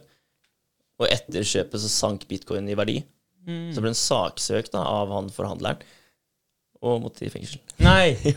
Fordi da satt han forhandleren med bitcoin som uh, var dårligere. Ja, ja. Det er jo helt skammelig. Ja, Det burde jo være risiko til kjøper, det, da. helt klart. Helt klart. Men, men sånn er det egentlig. Ja. Selger, ja. Det er liksom, men altså, hva, hva, hvordan gjør man det, da? Altså, hvis man eh, da selger huset, konverterer det til bitcoin, flytter et annet sted og tar det her ut igjen, da? Altså, ja, det er jo egentlig bare å selge, og så får du pengene Ja, får du Så er jo cash, da, så må Ja. du kunne konvertere det til bitcoin. Hvis ikke de som kjøper huset ditt, betaler deg i Ja. bitcoin. Utrolig enkelt. Ja, det er Ja, faktisk det. Slippe kontakt med bank og alt det styret der, da. For å, det er så mange mellomledd da, som du slipper. Og det er jo et av de poengene til bitcoin nå. Du skal slippe eh, den eh, sentralbanken. Mm. Ja.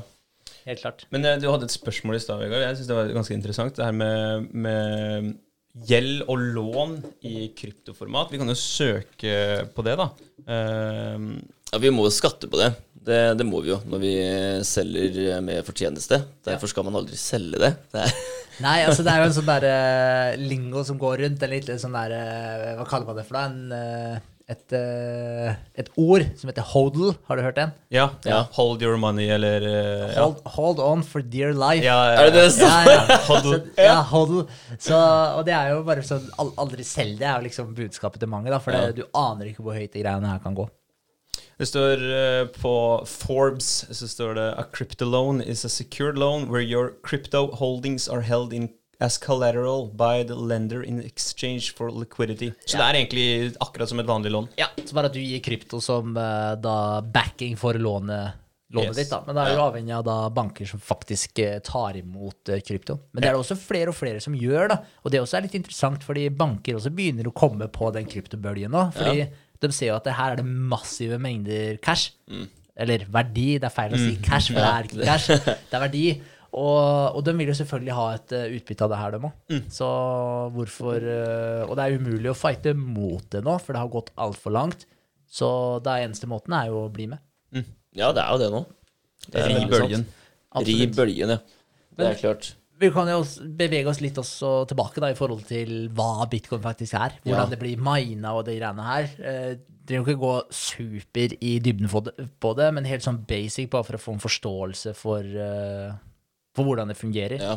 Ja, fordi det er jo 21 millioner, så på et eller annet tidspunkt så, så er det jo ikke mer å mine. Er jo, eller er det alltid noe å mine?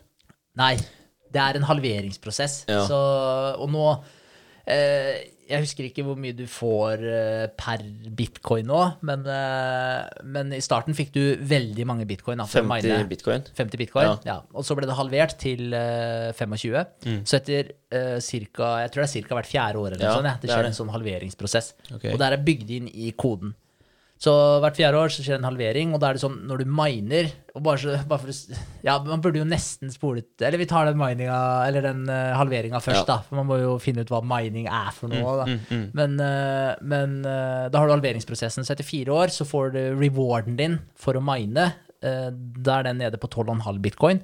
Og så blir den halvert derfra. 6,25. Det, si, det er vel der han er nå, tror jeg. Ja, det tror jeg Eh, og så blir den halvert igjen hvert fjerde år, så cirka Jeg tror det er Ja, mot slutten av året nå, september eller noe sånt, så kommer eh, det til å halveres igjen.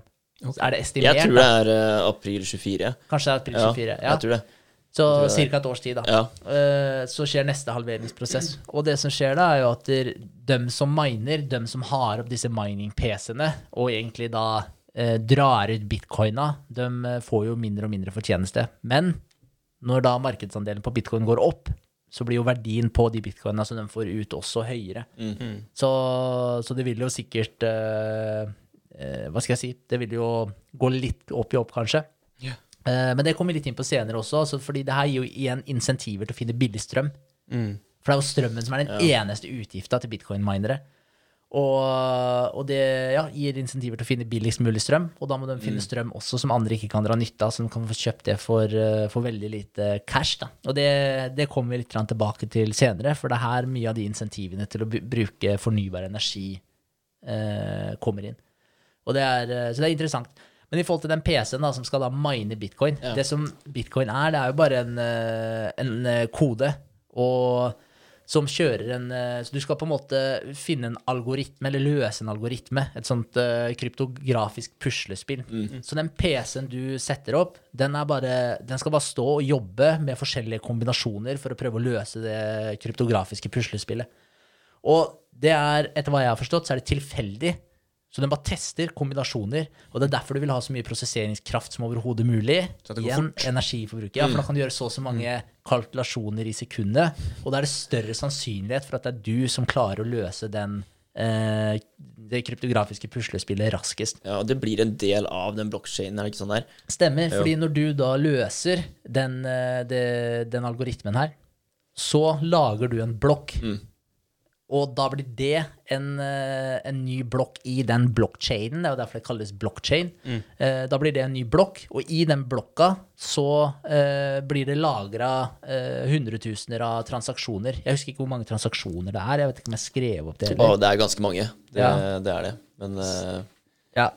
ja, jeg skrev tusenvis av transaksjoner, var det Ja. jeg skrev, eh, i den blokken.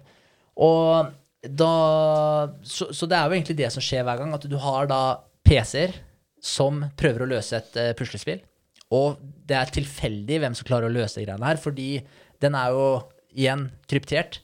Og den er kryptert på en uh, måte Jeg husker ikke hva man kaller det, om det er 252 eller 256 hatch, uh, eller hash, eller hva de Ja, kaller hash, det. ja. Det stemmer, ja. 250 Jeg husker ikke, men det er en eller annen sånn uh, kryptert måte, da, som er umulig å hacke i dag. For vi, bare har, vi er ikke i nærheten av å ha muligheter til å hacke øh, hacken. Så den eneste måten å løse det her på, er bare å teste masse forskjellige kombinasjoner. Og da kan man tenke seg en, uh, en kodelås. Man har fire uh, lås, eller fire tall på. som man skal prøve å Du kan prøve å sitte og hacke en sånn, da. Da kommer du til å sitte en stund.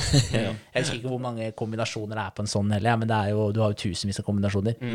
Og den her er det sånn der, du har mange, mange millioner av forskjellige kombinasjoner som, eh, som Det kan hende det er milliarder, og jeg har ikke peiling, men eh, som, eh, som du må gjette på da, og prøve å treffe. Og da er det jo det som er så kult da, med den koden her, det som er så genialt med den eh, algoritmen her, den fungerer på en sånn måte at jo mer prosesseringskraft du har på bitcoin-nettverket, så jo flere PC-er du har som jobber for å løse den algoritmen her, så er det baka inn i algoritmen at den skal gjøre algoritmen enda vanskeligere å løse. Mm, okay. Så det skal ta ca. gjennomsnittlig ti minutter å løse en blokk. Okay. Så da hvis eh, det forsvinner mange av disse mining-PC-ene fra nettverket, Ja. eh, sånn, eh, så prosesseringskrafta blir mye lavere, så vil også da, da vil jo tida før du klarer å finne en ny blokk, da, den vil bli lengre. Og da vil også kompleksiteten på algoritmen gå ned, sånn at du kommer og treffer et gjennomsnitt på ti minutter per blokk igjen. Okay. Så det jo, så det er jo helt genialt laga også. Eh, så eh, Men, ja. men da hjelper det egentlig ikke å ha masse, mange PC-er som Hvis du er én dude som skal mine, da. Mm. Mange PC-er satt opp for å, å mine. Jo, for det er fortsatt større sannsynlighet for at du, en av PC-ene dine, da, Ah, okay, klarer ja. å løse den blokka, og det er Ja, du selv- du som får rewarden. Ikke sant? Ja. Så sånn som jeg har forstått Men akkurat det her har jeg ikke lest eh, veldig mye om, men sånn som jeg har forstått det, så er det flere nå som setter opp sånne svære, kall det mining-nettverk, Mm. sånn at du oi, kan koble deg på det mining-nettverket. Ja. Og hvis en PC på det nettverket løser algoritmen, så deler dere profitten. Mm. Så, så det er flere som, eh, sånne type mining-nettverk som eksisterer. Jeg har ikke satt meg så veldig inn i, inn i det, da. Nei. Poenget er jo bare at det er en PC her som prøver å løse et, kallet kall det et regnestykke, en algoritme, og den løser det ved å bare gjette masse kombinasjoner hele tiden. Og klarer han å gjette riktig, ok, da blir det lagra, da blir det verifisert, eh, lagra på blokkjeden, og så har man sementert det her da i den journalen, da. Eh, For det er jo det blokkjeden er. Det er jo en liste over alle transaksjoner. Det er en logg, liksom? Det er en logg, det er akkurat det der. Så i stedet da, for at du har en uh, bok hvor det står sånn Vegard ga 100 kroner til André. André mottok 100 kroner av Vegard. Eh, André lånte 30 kroner til uh, Pia. Uh, Pia lånte 50 kroner til Silje, osv. I stedet for at det står alle de tinga der, og noen må holde kontroll på den her, så har du da den bitcoin-nettverket som gjør akkurat det her, at de har ledgeren digitalt. Og så er det en krypta på den måten uh, som vi prata om nå, at den har den der algoritmen som på en måte må løses hele tiden. Den er kryptert. Og da får du en ny blokk da, i nettverket. Og da må andre PC-er eh, kontrollere er kanskje feil å si PC-er òg, men andre maskiner da, Ja. må kontrollere eh, den blokka og verifisere at den er riktig. Og hvis eh, det kommer eh, eh, Holdt jeg på å si Hvis det er noen som prøver å cheate nettverket, da, for å si det sånn, og, og får inn en blokk da, som eh, At de klarer på en måte å treffe da, på, en, eh, på en blokk, og som gjort noen eh, alterations, gjort noen endringer, og prøver å hacke det, så vil det startes på en måte to parallelle sekvenser da, i den blokkjeden. Og da vil det være den blokkjeden som får den lengste chainen.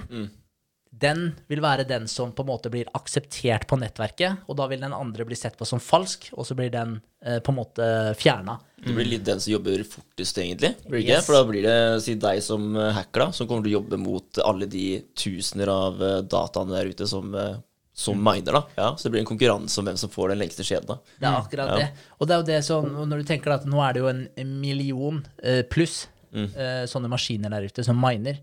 Og det betyr at alle dem her jobber jo sammen, eh, eller på en måte mot hverandre, for å på en måte prøve å finne riktig kombinasjon for å knekke den algoritmen, for å få da rewarden og neste blokk. Mm. Men samtidig så jobber alle de her med å verifisere den blokka som allerede er lagra, som verifiserer hele tiden hva som er den riktige delen av blokkjeden. Så hvis du prøver å fucke med den blokkjeden, så vil alle de andre her, eh, PC-ene, eller PC-ene, maskinene, eller whatever, prosessorene, den vil jobbe da mot å, mot å verifisere disse chainsa. Og du da kommer aldri til å klare å prosessere raskere enn hele nettverket til å prøve å lure det, sånn at du får på en måte kalle det den eh, valide sekvensen. Så det vil være klin umulig, da, for det er så mye prosesseringskraft der inne nå som, eh, eller der ute, da, som er med og bekrefter og validerer hele tida den blokkjeden. Så for å fucke opp det her, så må du ha 51 av eh, prosesseringskrafta der ute. Ja.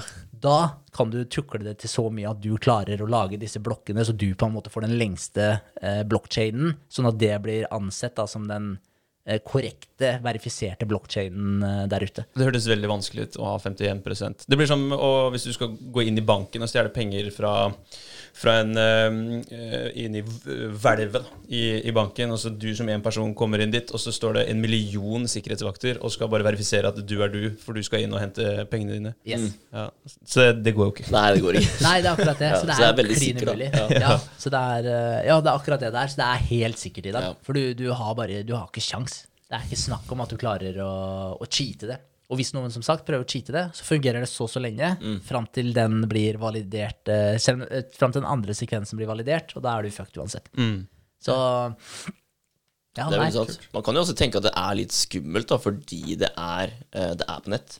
Altså, hva, hva skjer da hvis, eh, hvis man plutselig skulle miste strømmen, systemet svikter, da, alle dataer slås av? Hva skjer med, hva skjer med bitcoin da?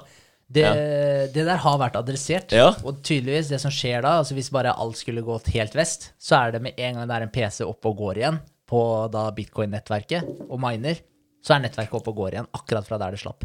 Ja, Så det har egentlig bare stått på stedet vent, da, Yes. og venta til Ja, ok. ja. Så det er ivaretatt. Mm. Og du kan også accesse det med satellitt. da. Du må ikke ha vanlig internett. Du kan også accesse det via satellitt. Ja. Så, så det er liksom så, så det er ganske safe, da, sånn Ja. sett. er det.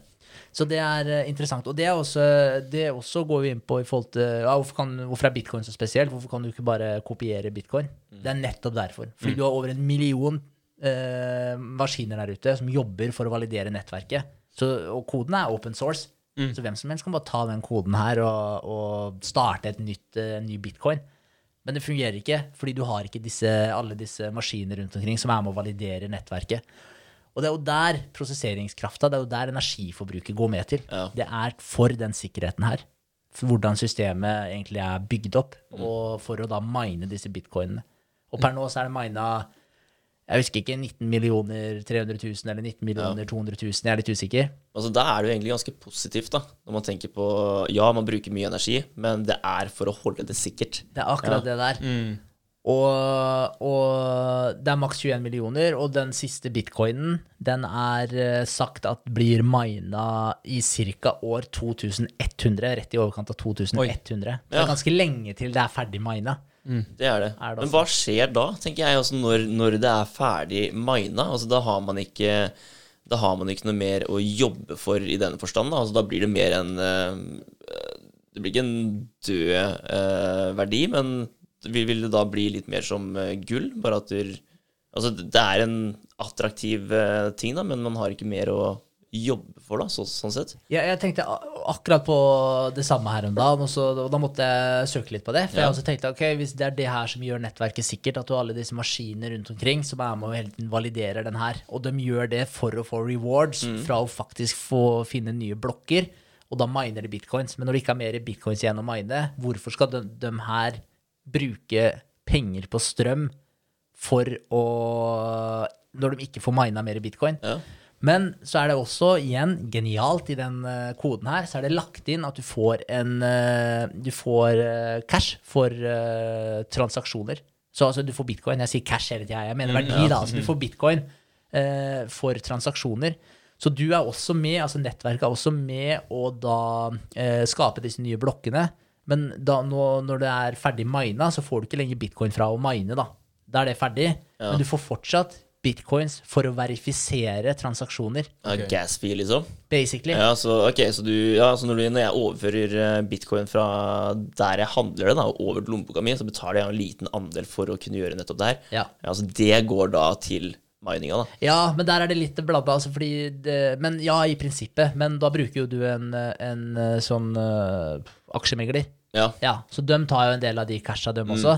Eh, men ja, en del av de eh, Jeg vet ikke akkurat nøyaktig hvordan det der blir i detalj, Nei. men noe går jo til aksjemegleren. Eh, men, men igjen, når du verifiserer en blokk på nettverket, som da verifiserer transaksjonene på nettverket, så får du noe av de bitcoinene som blir overført. da. Ja. Så, så derfor er det fortsatt insentiver. Da har du fortsatt en reward for å ha PC-en din opp og gå og eh, bidra da, til å kjøre eh, algoritmer eller skape nye blokker. Ja, ikke sant? Og holde det sikkert. Yes. Så Ja, det var utrolig lenge til da, at det måtte skje. Ja. ja, det er jo det, men det er jo superrelevant, da, fordi hvis ikke hadde jo bitcoin vært eh, sikkert fram til eh, rett etter eh, det 21. århundret er ferdig, og så hadde det jo ikke vært sikkert lenger, for da hadde alle bare Nei, jeg gidder jo ikke betale for sikkerheten her, og så hadde jo alt crumbla. Men det også er jo tenkt på. Og det er kult. Og en ting også som skal nevnes, da, den koden her er helt klin umulig å gjøre noe med. Altså Den koden her kjører, den er helt desentralisert. Ja. Det er ingen som sitter, og det er også en stor forskjell da, på Ethereum for eksempel, og bitcoin. For uh, Ethereum, der sitter jo folk og faktisk uh, tukler med koden.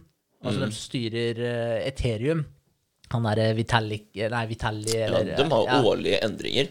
Ja, så Ja. de oppdaterer jo hele tiden Ja. koden sin for å gjøre det mer effektivt osv. Og, så og de har jo starta de tinga her for å gjøre transaksjoner og sånn smoothere, mer effektivt, billigere osv. videre Men til gjengjeld så er det mindre Så er det mer sentralisert, da, mindre desentralisert enn det bitcoin er. Bitcoin til gjengjeld litt tregere, mer eh, holdt jeg på å si et litt eh, eh, Hva skal jeg si Et litt mer krevende system. Men samtidig så er det helt 100% desentralisert. Det er ingen som kan komme inn og tukle med koden der. Så det er også en sånn vesentlig distinksjon fra bitcoin og alle de andre kryptoene. Ja, det er veldig sant. Også, man, man kan jo også si uh, Man skal jo ikke si 'ikke kjøp noe annet enn bitcoin'. Absolutt ikke. Absolutt ikke. Nei, for det, det kan gå veldig bra med de tinga der òg. Ethereum er jo egentlig Skal jeg si, det er vel, det er vel de som blir brukt til, eh, til alt mulig eh, av Altså, skal du kjøpe en type coin uten markedet, så, så gjør man jo basically det gjennom Ethereum.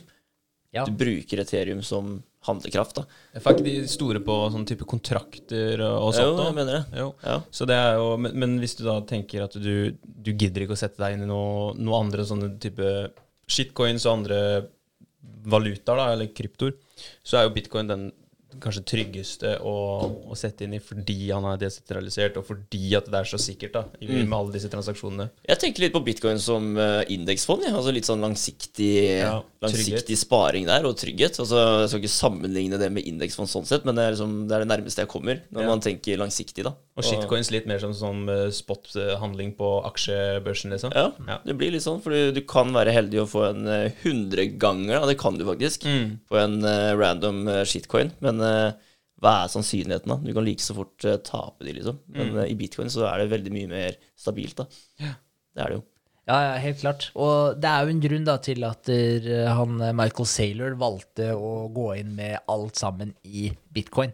Det er fordi bitcoin er 100% desentralisert. At det er ingen som sitter oppi der og trekker i trådene. Fordi du er alltid øh, Hvis du har noen som sitter oppi der og trekker i trådene og oppdaterer kode osv., så videre, og det er mennesker som sitter og styrer det her, så har du alltid eh, muligheter for at eh, de menneskene blir korrupte. At de får andre intensjoner enn det kanskje de hadde i starten. Kanskje det er noen andre som kommer inn og tar over skuta og styrer det her i en retning som du ikke kan. Kanskje noen kidnapper familien til han som eh, driver sjappa og sier at hvis ikke du gjør den endringa her, så knerter vi hele familien din. Altså, ting kan skje, som, ja. og hvis noen har muligheter til å påvirke de greiene her, så er det jo ikke 100 trygt. Og det er derfor eh, Michael Saylor blant annet gikk inn i bitcoin og ikke noen av de andre. Det var litt som vi snakka om i stad, da, med, med, før podden, så snakka vi om uh, Swift, et sånn transaksjonsselskap da, som har sørga for online-transaksjoner i, i ganske lang tid. Og det, der var det en bank i, eh, i India hvor uh, noen av de ansatte der var korrupte, da. Og sørga for at uh, ja, et av de største bankranene i eh, historien, online først og fremst, men også ever, eh, fant sted. Ja. Korrupte mennesker. 1,8 milliarder dollar. det er ganske heavy. Ja, det er vilt, ass. Sykt, altså. Jeg hadde aldri hørt om det. Nei, ikke jeg heller. Ikke heller. Så det er, eh, der ser man også svakheten da, til eh, det tradisjonelle systemet vi er vant til og tror på. Og kanskje vi har blitt litt eh, for på en måte eh, Hva skal jeg si tro til det tradisjonelle, til det du sa i stad, Henrik. Til dinosaurene, da, som mm. er så etablerte på, på markedet. Det er fint å få litt friskt, eh, frisk input på, på bitcoin nå, da. Absolutt. Og, eh, men nå, nå har vi jo kartlagt litt i forhold til okay, hvordan er det faktisk bitcoin-nettverket fungerer, hva er det som gjør det sikkert osv. Og, så videre, og da har du til syvende og sist disse eh, Det er ikke PC-er, da, men eh, det er jo Enheter? eller- Ja, ja. altså det er, jo en, eh, det er jo en prosessor, er det ikke Ja, det? Altså prosessor, tror jeg kan si. en, eh, ja, som eh, Jeg er ikke helt inne i det tech-språket på det her, men det er jo, det er jo prosessoren i PC-en som Mm. eh, prosesserer all den eh, dataen her. Det er jo det som er greia.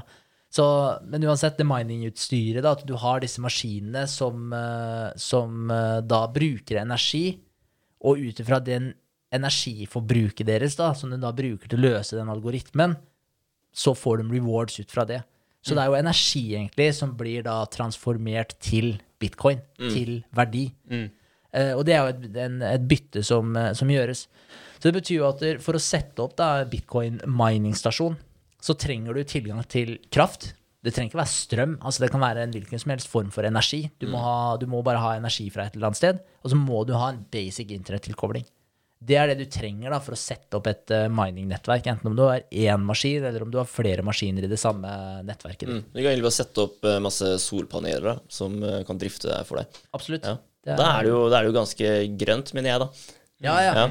Helt klart. Så det er flere sånne muligheter, og det er det som er så kult òg. Fordi jeg, jeg har satt opp se, fem eh, forskjellige måter som eh, bitcoin-minere eh, benytter energi i dag. Ja. Eh, men bare for å ta et eksempel eh, først. da, altså Hvis du skulle starte et tekstselskap i dag, så trenger du jo arbeidskraft. Du trenger kapital. Du trenger mest sannsynlig kanskje en bygning, hvis ikke alle skal sitte på hjemmekontor. Så, så trenger du Men du trenger kanskje en, eh, en bygning, et kontorlokale. Du trenger energitilgang. Eh, Du må ha en eh, lokasjon, en plassering på det her, som ikke er altfor remote, for folk må jo faktisk eh, komme seg dit. Og, og så kanskje det tar også en eh, stund før du eh, får utnytte Før du begynner å tjene penger, kanskje også. Så at du har en, eh, en litt lengre periode der da, hvor du faktisk opererer på da den innskutte kapitalen. eh, Hvor det kanskje er mye usikkerhet. Og så er du også avhengig av å ha en eh, konsekvent strøm med energi inn i selskapet ditt. For du kan jo ikke sitte der og holde på med PC-en din, og så brått så forsvinner internetten din, brått så forsvinner eh, strømmen på PC-en din, og så må du sitte og tvinne tommeltotter en time før du kan fortsette å jobbe. Ja, du er jo helt avhengig av å ha en eh, konstant energistrøm inn i selskapet ditt. Så alle de tinga her må på plass da, for å bygge opp et, eh, et tech-selskap Ganske mye. ganske mye. Mens bitcoin, der trenger du basically kun en basic internettilkobling. Og så må du ha miningutstyret, som da er disse maskinene. Der kan du sette opp i en container om du vil. Og så kan du ta med deg det her hvor som helst. Og du kan sette det der hvor du har tilgang til energi. Så du kan sette det ved siden av et uh, fossefall. Du kan stikke til et olje- og gassfelt eh, og sette opp disse konteinerne. Du kan uh, ta noen ja, hvilket som helst andre steder hvor det er noe som helst overskuddsenergi. Der kan du sette opp disse konteinerne, f.eks., og begynne å tjene penger direkte. Ja. Det, det. det skaper ganske mye varme òg, gjør det ikke det? Ved det å faktisk mine. Når de prosessorene her går, så er man smart nok, så kan du faktisk benytte av den varmen her til å skape egen energi, da. Ja. Ja. Da, ja, ja, absolutt. Så det er noen muligheter der. Det er vel folk som har senka noen containere under vann og så videre også for å deale med det varmeproblemet. Det er det. Så, men, men det er litt interessant å tenke på det her også, da, fordi å bare starte et selskap, det, er, det krever faktisk ganske mye. Ting som vi tenker, ting som vi tar for gitt i dag. Ja, for vi har jo starta selskapet sjøl også. Vi gjorde det jo basically hjemme fra stua og hadde vår bærbare PC og sånn. Men det er veldig mye greier som må ligge til rette rundt for at du faktisk skal kunne starte det greiene her. Så det er fint å ha den sammenligninga der på plass da, før man begynner å snakke om de områdene man kan benytte, benytte den bitcoin-mininga på, på en fornuftig måte. Eh, så det ene er når det, det er et begrep som heter stranded energy. Så basically da stranda energi. Og det er eh, et eh, sted som heter Jeg vet ikke hvordan man uttaler det her, men det er i Kina. Sichuan-provinsen, eller Sichuan-provinsen. Veldig usikker. Men eh, de har jo et, eh, de har jo et eh, vannkraftverk der, da, Ja. eh, som er veldig bygd med en stor overkapasitet. Eh, og det er jo fordi energiforbruket til folk varierer jo veldig. Eh, Det varierer i forhold til sesonger også. Så her i Norge, eh, energiforbruket er jo mye høyere på eh, vinteren kontra sommeren, spesielt oppvarming. Men da kan det jo være at vi bruker veldig mye ved. Vedfyring. Det er jo selvfølgelig en form for energi. Eh, og så bruker vi eh, mye til oppvarming, eh, kanskje en del strøm til oppvarming. Eh, mens på sommeren så bruker vi kanskje en del strøm til nedkjøling. Ja. andre land som har eh, gassovner eh, hvor det er vanlig, de bruker jo mye mer gass eh, kanskje om vinteren og, eh, og litt mindre om sommeren, men så bruker de mye mer elektrisitet for å kjøle ned med aircondition gjennom sommeren. Så du har forskjellige energityper da, som du benytter i hjemma og i forskjellige land osv. Men du må bygge det med overkapasitet fordi eh, energiforbruket varierer så mye. Så du er nødt til å ta høyde for den øverste piken. Fordi hvis ikke du tar høyde for den øverste piken, så vil hele systemet kollapse når du da bruker ja, Når samfunnet bruker for mye strøm, så vil det kollapse. Så derfor er du nødt til å ta høyde for det. Og det betyr jo at på de laveste eh, forbruksdagene og tidene, så har du jo altfor mye overskudd. da. Du har altfor mye kapasitet av energi som du ikke får gjort noen ting med. Det er vel basically derfor vi får så høye strømpriser innimellom òg, når det er kriser rundt omkring. Når det var uh, altfor varmt i statene for et par år siden, og vi solgte unna det meste vi hadde her, da. Så solgte vi til dem for at de skulle ha muligheter til å kjøle ned husa sine. For de hadde jo brukt opp sine lagre. Og da tok vi av oss og solgte til dem, så ble det enda dyrere for oss å benytte oss av det som var igjen, da. Ikke Ja, så det er jo litt sånn det funker. Ja, og det er jo det. altså Når man er kobla til eh, forskjellige land også, så er det jo muligheter da, til å utveksle det her. Og da er det jo ja, det er jo demand da, som eh, selvfølgelig vil pushe, pushe prisene. Mm. men i den derre Sichuan-provinsen, vi kaller den det, satser vi på at det er, det er en CH der, så jeg tror ikke det er eh, for langt unna. Men de har regnsesonger i Kina. Og i regnsesongen da, så er det hydroanlegget deres det, har, det, er totalt, uh, det er totalt overfylt. Og de har ikke kjangs til å forbruke det, uh, all den energien som er i regnsesongen. Så det betyr at de, må egentlig bare tømme lagrene sine, da, sakte, men sikkert. Bare, bare, det er waste av energi. For de får faktisk ikke benytta det, for de har ikke noen kjøpere til å, til å kjøpe det. For de har for mye energi lagra. Tømme ut uh, energi, liksom. Hvordan gjør man det? Tømme ut vann. Ja. Ja, Ja, ikke sant? bare åpner du slusene, Ja, så sånn, bare ja. tømmer det ut, rett og slett. Fordi Vannmagasin. ja, Waste. Ja. Waste. For det er ikke bare å lagre energi heller. Fordi batteri, for eksempel, det er sånn Ja, men du kan bare bygge batterier og sånn. Ja, for det første så trenger du edle metaller for å bygge batterier. Og det er jo ikke akkurat uh, flust av det i verden i dag. Uh, det er én ting. En annen ting er at batterier klarer ikke å holde på strømmen evig, de heller. De mister jo hva er det, 2% i måneden eller noe sånt, et normalt Ja, batteri. er. Og temperatur også vil jo spille, spille inn på det. Ja. Det er også en form for inflasjon da, når det kommer til energi. Ja, helt klart. Ja, det er også litt interessant. da. Litt kult når man ser på det på den måten. Ja, faktisk. Så, så det er ikke bare å lagre den energien, da, og da er det lettere å mer eh, Kall det i anførselstegn økonomisk å bare tømme det ut, rett og slett. Og, eh, og der kommer bitcoin-mining inn. Fordi i den her uh, Sichuan-provinsen så, så er det så jeg en graf over totale bitcoin-mininga i Kina, og hvor mye som eh, ble eh, Holdt jeg på å si, hvor mye av mininga som ble utført i hvilke byer. Og i den provinsen her, under regntida, så tok de over over halvparten av all bitcoin-mininga i hele Kina. Oi. Og når regnsesongen var slutt, så eh, ble det mye mindre holdt jeg på å si, mye mindre mining i Sichuan-provinsen. For da flytta mining-folket seg andre steder, hvor da strømmen var billigere igjen. Så, og når regnsesongen kom igjen, så flytta de seg tilbake til Sichuan-provinsen igjen. Det er genialt, da. ja, for du kan ha utstyret basically på en container, da. Ja. Og så kan du bare kjøre den her til akkurat den lokasjonen du vil. Så kan du hooke opp det utstyret her. Og da kan du inngå en avtale ikke sant, med dem som styrer det, eh, det hydro... eh, ja, vibreringa. Ja, det var vibrering hos meg. Det var... Hydro, eh, det selskapet her da, som driver det der hydrokraftverket. Så de kan jo da eh, ta oss og selge den energien her kjempebillig. Vanligvis ville de kasta det. De ville fått null profitt for det. Mm. Men da kan de selge det til disse bitcoin-minerne for en veldig, veldig lav pris. Og så er det en win-win-situasjon. For da kjøper minerne eh, dette veldig billig, fordi de, eh, ja, de har jo, hva skal jeg si, enten får de solgt det, eller så får de ikke solgt det. Så de kan du velge sjøl. Du kan selge for en billig penge, eller så kan du bare drite i å selge det. Og kaste det bort, liksom. Yes. Ja. Og marginene til minerne også blir jo da eh, større, fordi de får lav, lave energikostnader. Og på den måten så har de større marginer da, på mininga si.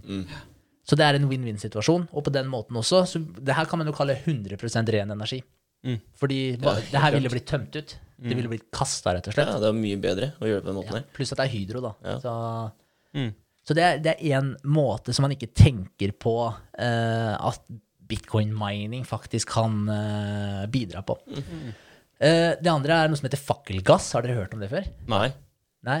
Det, ja, jeg, ja, jeg hadde ikke hørt om uttrykket før i stad. Jeg leste det på engelsk, men jeg, jeg hørte eh, Ja, men fakkelgass, altså det er basically eh, overskuddsgass som eh, eh, På oljefelt, olje- og gassfelt Hvis du har et eh, gassreservoar som er for lite til at det er økonomisk å bygge eh, en, eh, kall det et eh, transportnettverk, da, sånn at du får, får dratt ut den eh, gassen her og transportert det til det stedet det faktisk kan forbrukes.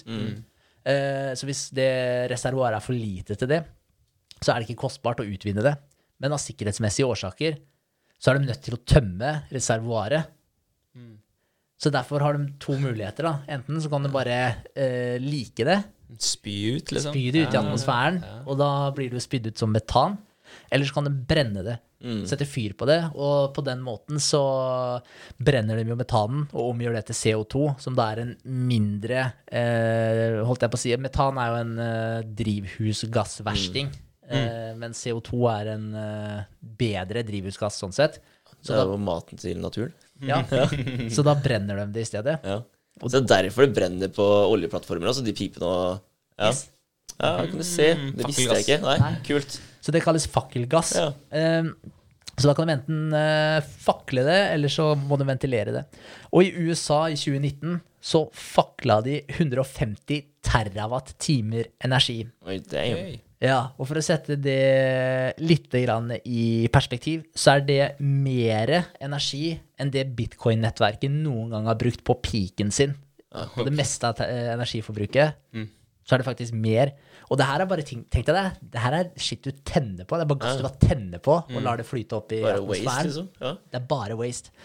Uh, og på verdensbasis da, så blir, det, så blir det fakla eller ventilert åtte ganger mer energi enn det bitcoin-nettverket bruker.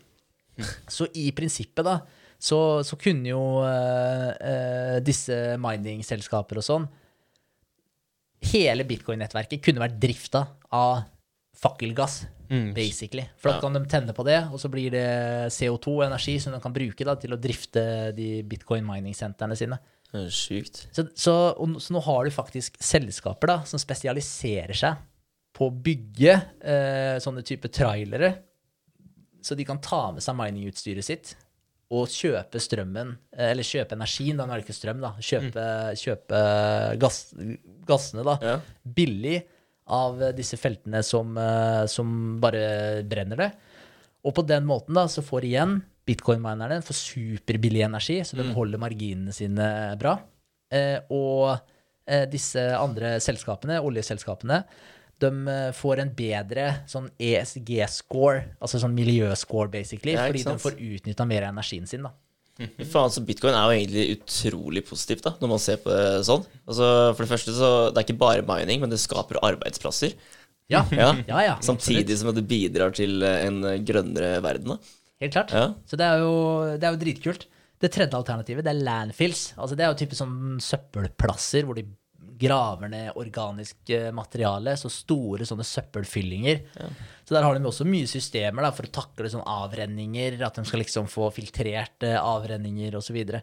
Men her også, altså når organisk materiale, når det brytes ned, eh, og den forråtnelse, forråtnelsesprosessen starter, så slippes det også metan ut i atmosfæren. Og, så det siger mye metan da, fra landfills, som ikke nødvendigvis blir gjort noe med.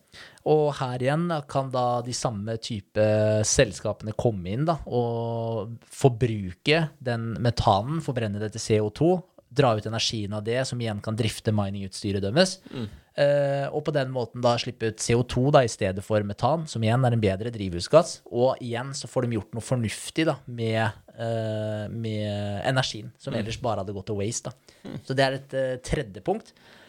Uh, fjerde det er at det kan fungere som et batteri til strømnettet. Eh, Snakka litt i stad om det at strømnetta de må bygges med overkapasitet. For det er jo igjen for å ta hensyn til forbruket, som varierer så mye som det gjør. Og eh, det vil jo si at der, de ikke får lagra energien. Det var altfor høy kapasitet på strømnettet. Og det her er jo energi som de ikke får eh, brukt til eh, noe fornuftig i det hele tatt. Eh, og det som kan gjøres da, er at bitcoin-minerne de kan komme inn og benytte seg da av energien på strømnettet som, som i de periodene hvor det er lavt forbruk, så kan de benytte energien. Og med en gang forbruket, når de trenger mer forbruk da, på de stedene, når forbruket øker, så kan de bare skru av miningutstyret. Og så, kan massene få, få, holdt jeg på å si, benytte seg av energien. Eh, og det som gjør det her attraktivt igjen, da, det er jo at bitcoin-minerne de kan eh, de tåler mye høyere volatilitet. Ja. Så de trenger ikke den konstante flowen med energi hele tiden, for de kan bare skru av utstyret sitt, og så kan de bare skru det på igjen. ja. Så det er så jævlig basic. Mens andre selskaper og sånn er avhengig av å ha energi hele fuckings tida. Da. Ja, ja. Så derfor er det veldig stor forskjell på, på forbruket her. Og derfor kan da igjen bitcoin-minere komplementere strømnettet på en, eh, på en veldig positiv og fin måte. da. Så- Sjukt. Se på Nexans, liksom. Mister vi strømmen der, så går det til helvete, helvete med ganske mye. Ja, det er helt Det, vilt. det gjør det. det. Det er skadelig, rett og slett, hvis eh, vi mister strømmen der. Ja, ja. Ja, ja. Det, er, det er helt vilt. Og det er mange industrier det gjelder i, for å si det Ja. sånn. Hundretusenvis av kroner hvert minutt strømmen er borte, omtrent. Ja, ja, så det er, det er voldsomt. Det, det som også var interessant, det var Jeg leste et eksempel om et eh, Om en, eh, en eh, by som eh, Det skulle bygges ut et eh, Det skulle bygges et sykehus. Eh, Et svært sykehus skulle bygges i en by. Og det er jo selvfølgelig positivt for alle, det. Få tilgang til bedre helsetjenester, bedre tilgjengelighet på det eh, for alle innbyggerne. Men, eh, og da måtte de bygge ut strømnettet for å kunne ivareta da, energibehovet til det sykehuset her. Så de bygde ut strømnettet da, for mange, mange, mange millioner dollar. Og så falt eh, sykehusprosjektet igjennom. Så det ble ikke noe av det prosjektet. Og da sitter jo eh, basically den eh, kommunen, staten eller byen, eller hva det er for noe, den sitter da igjen med et eh, strømnettverk som har en eh, massiv overkapasitet igjen. Og de har brukt da helt sinnssykt mye cash på investering som da de skulle få tilbake gjennom eh, energiforbruket til sykehuset. Men nå har de ingen steder å gjøre av den, eh, den energien her. Og hvem er det nå da som skal dekke inn kostnadene på investeringa? Jo, befolkninga. Så da får du høyere strømpriser i den byen her fordi de må eh, få henta inn den investeringa på strømnettet. Og da er det folket som må betale for det. Det bra, mm. Og i et sånt tilfelle også, da, så kan faktisk da bitcoin-minere komme inn og ta en del av den overkapasiteten, kjøpe strømmen for en eh, billigere penge. Eh, og så er eh, alle happy med det, og så slipper folket å få svi da, for den eh, bommerten som ble gjort der. Så det også er et sånn interessant eksempel da, som eh, man kanskje ikke tenker på. Eh, Det siste eksempelet jeg har skrevet opp, det er uh, også et sånn utrolig Hva skal jeg si? Et sånn utrolig fett konsept, da. Fordi det er i forhold til utvikling i fattige land. Ja. Og bitcoin kan faktisk være med, eller bitcoin mining kan faktisk være med å bootstrappe utviklinga i de landene her. For det blir en sånn høna og egget-situasjon.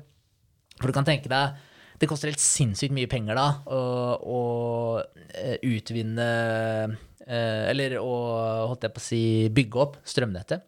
Ja. Bygge opp den infrastrukturen. Men du kan jo ha massive mengder da, med solenergi. Du kan ha massive mengder med hydro, vind. Eh, men du får ikke utnytta det fordi eh, de eh, rett og slett ikke har strømnettet som kan transportere den energien her til folket. Og da er det sånn, ok, da må du investere helt sjukt mye penger for å faktisk bygge ut det strømnettet her. Men så kommer problemet når hvis du faktisk bygger ut det strømnettet her, så er det ingen i de landene her som har eh, utstyr og maskiner og apparater i hjemmene sine som faktisk bruker elektrisitet. For de har ikke noe elektrisk nettverk i Du dag. må ordne det òg, ja. Yes. Så det betyr jo at hvis du først da investerer helt sinnssyke summer på å bygge ut strømnettet her, så må du vente på at folk faktisk skal få økonomi nok til å kjøpe seg apparater til å kunne benytte seg av den energien her, før du får igjen cash på investeringa di. Så det blir en høne av egget.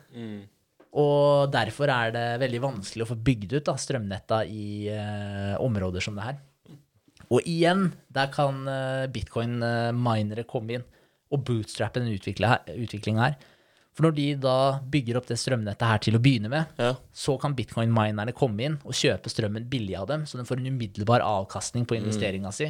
Og så kan bitcoin-minerne kjøre mining-maskinene sine fram til folk begynner å få ting i husholdninga si som krever strøm osv. Og, så og sakte, men sikkert så begynner de å ta over forbruket. Og da begynner bitcoin-minerne å senke forbruket sitt eh, fram til eh, de holdt jeg på å si går i null. da. Og Så kan da- du bare flytte videre igjen, liksom. Yes. Ja, det er jo genialt. Det da. er genialt. Ja, det er det. Men, men er alle minere så snusfornuftige og har det moralske kompasset akkurat der eh, hvor disse eksemplene er beskrevet? Nei, men det er det, det er det som er så kult. Fordi det er sånn Det er ingen eh, Eller ingen, skal jeg ikke si. Men eh, det er ikke sånn at de minerne er sånn der supermiljøbevisste og bare tenker at der, vi skal redde verden. Overhodet ikke. Det er økonomisk, da.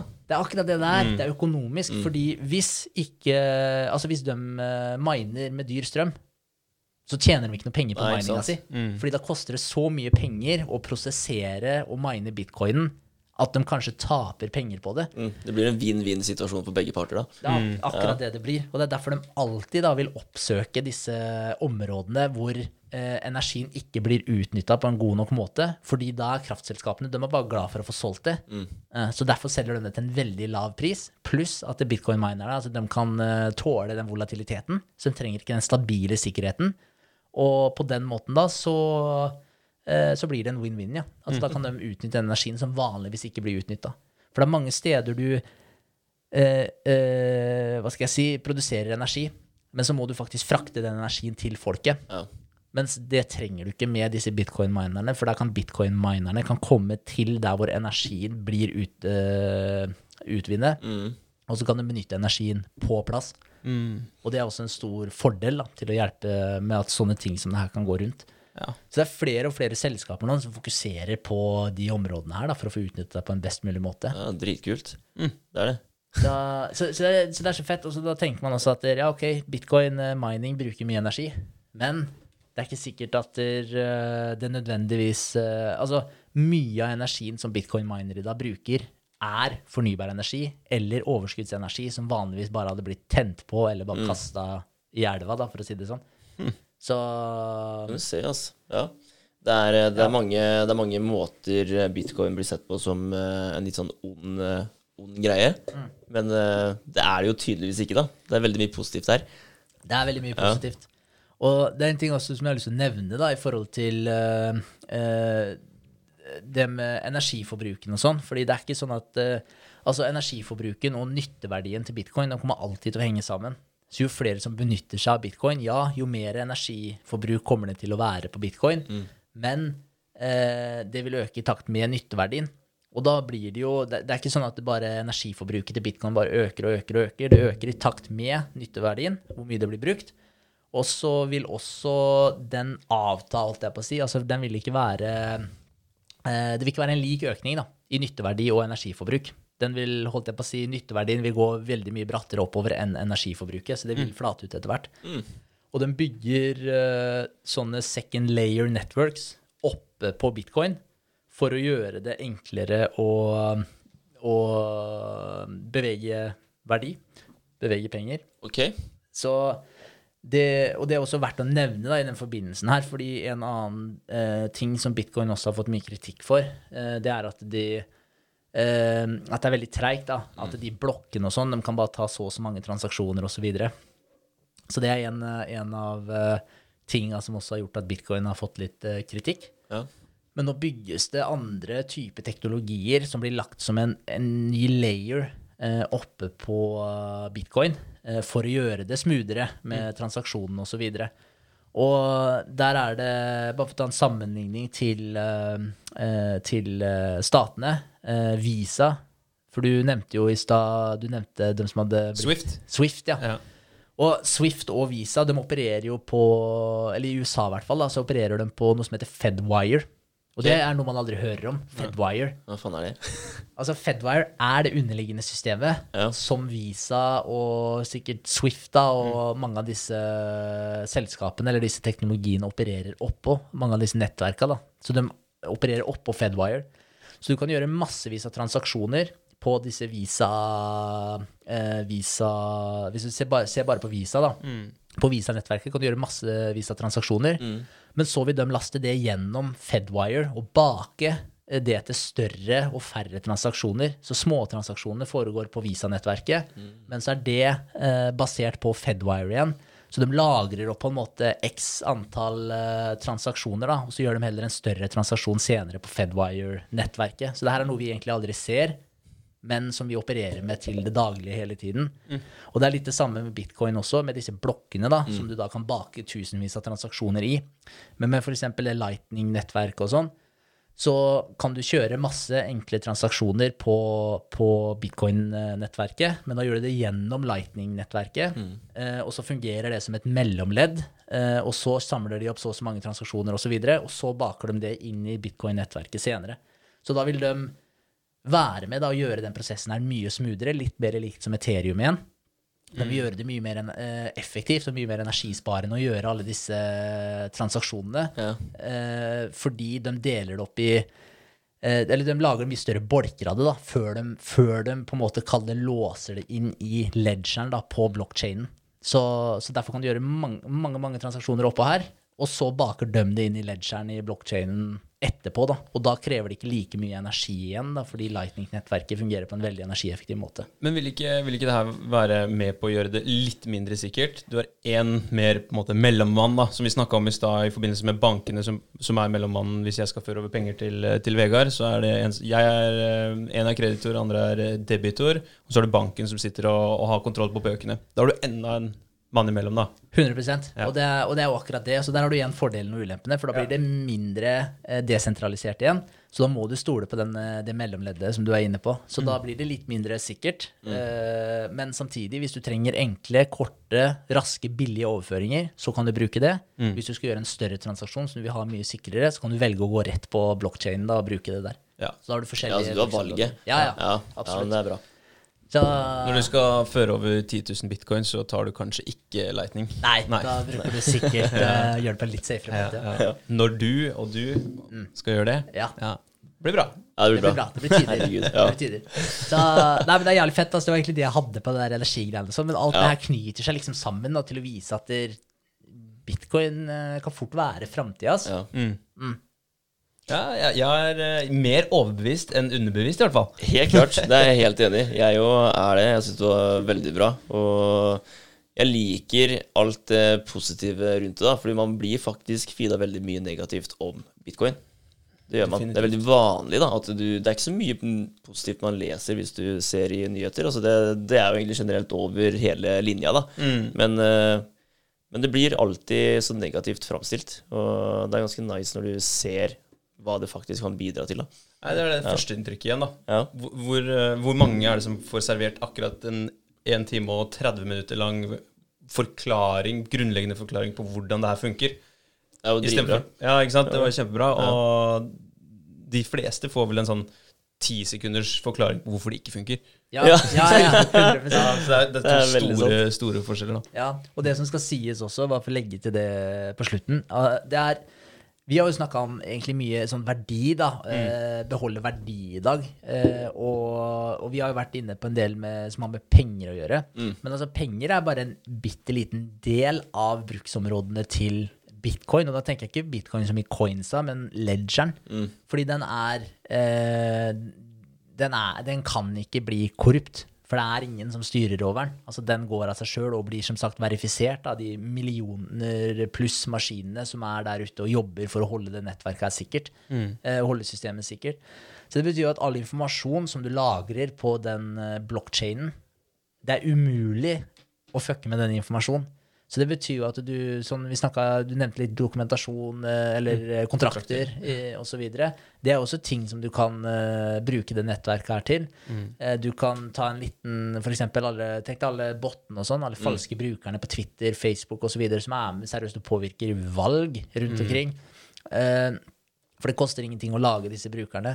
Men du kan ta en liten uh, Si du tar en, eh, et par satoshis da, for å opprette den brukeren, som et depositum. Da kan du ikke lage 40 000 brukere og, og begynne å, å si, At det ikke spiller noen rolle når de banna, da. For da mister du 40 000 ganger to satoshis, og da begynner du kanskje å miste litt cash. da. Ja. Så da begynner det å bli dyrt da, å lage alle disse fake bottene som du skal drive og tukle med folk og fucke opp med, rett og slett. da. Så det også er jo et bruksområde som eh, ja, kanskje man ikke tenker på i dag. Og du har massevis av sånne type bruksområder da, hvor du ja, kan identifisere deg sjøl. Altså, det her er 100% deg, fordi du vet, da, basert på den ledgeren, basically, at det var du som signerte det her. Det her er den originale saken, og alt som kommer etter, det er bullshit. Så du har liksom veldig mange bruksområder som kan komme fram etter hvert. Da. Så det med økonomibildet her, det er bare en veldig liten del av, av hele greia. Og det Kanskje er vi det man er blir- mest opptatt av. Kanskje vi blir kvitt, kvitt uh, fake news òg, da.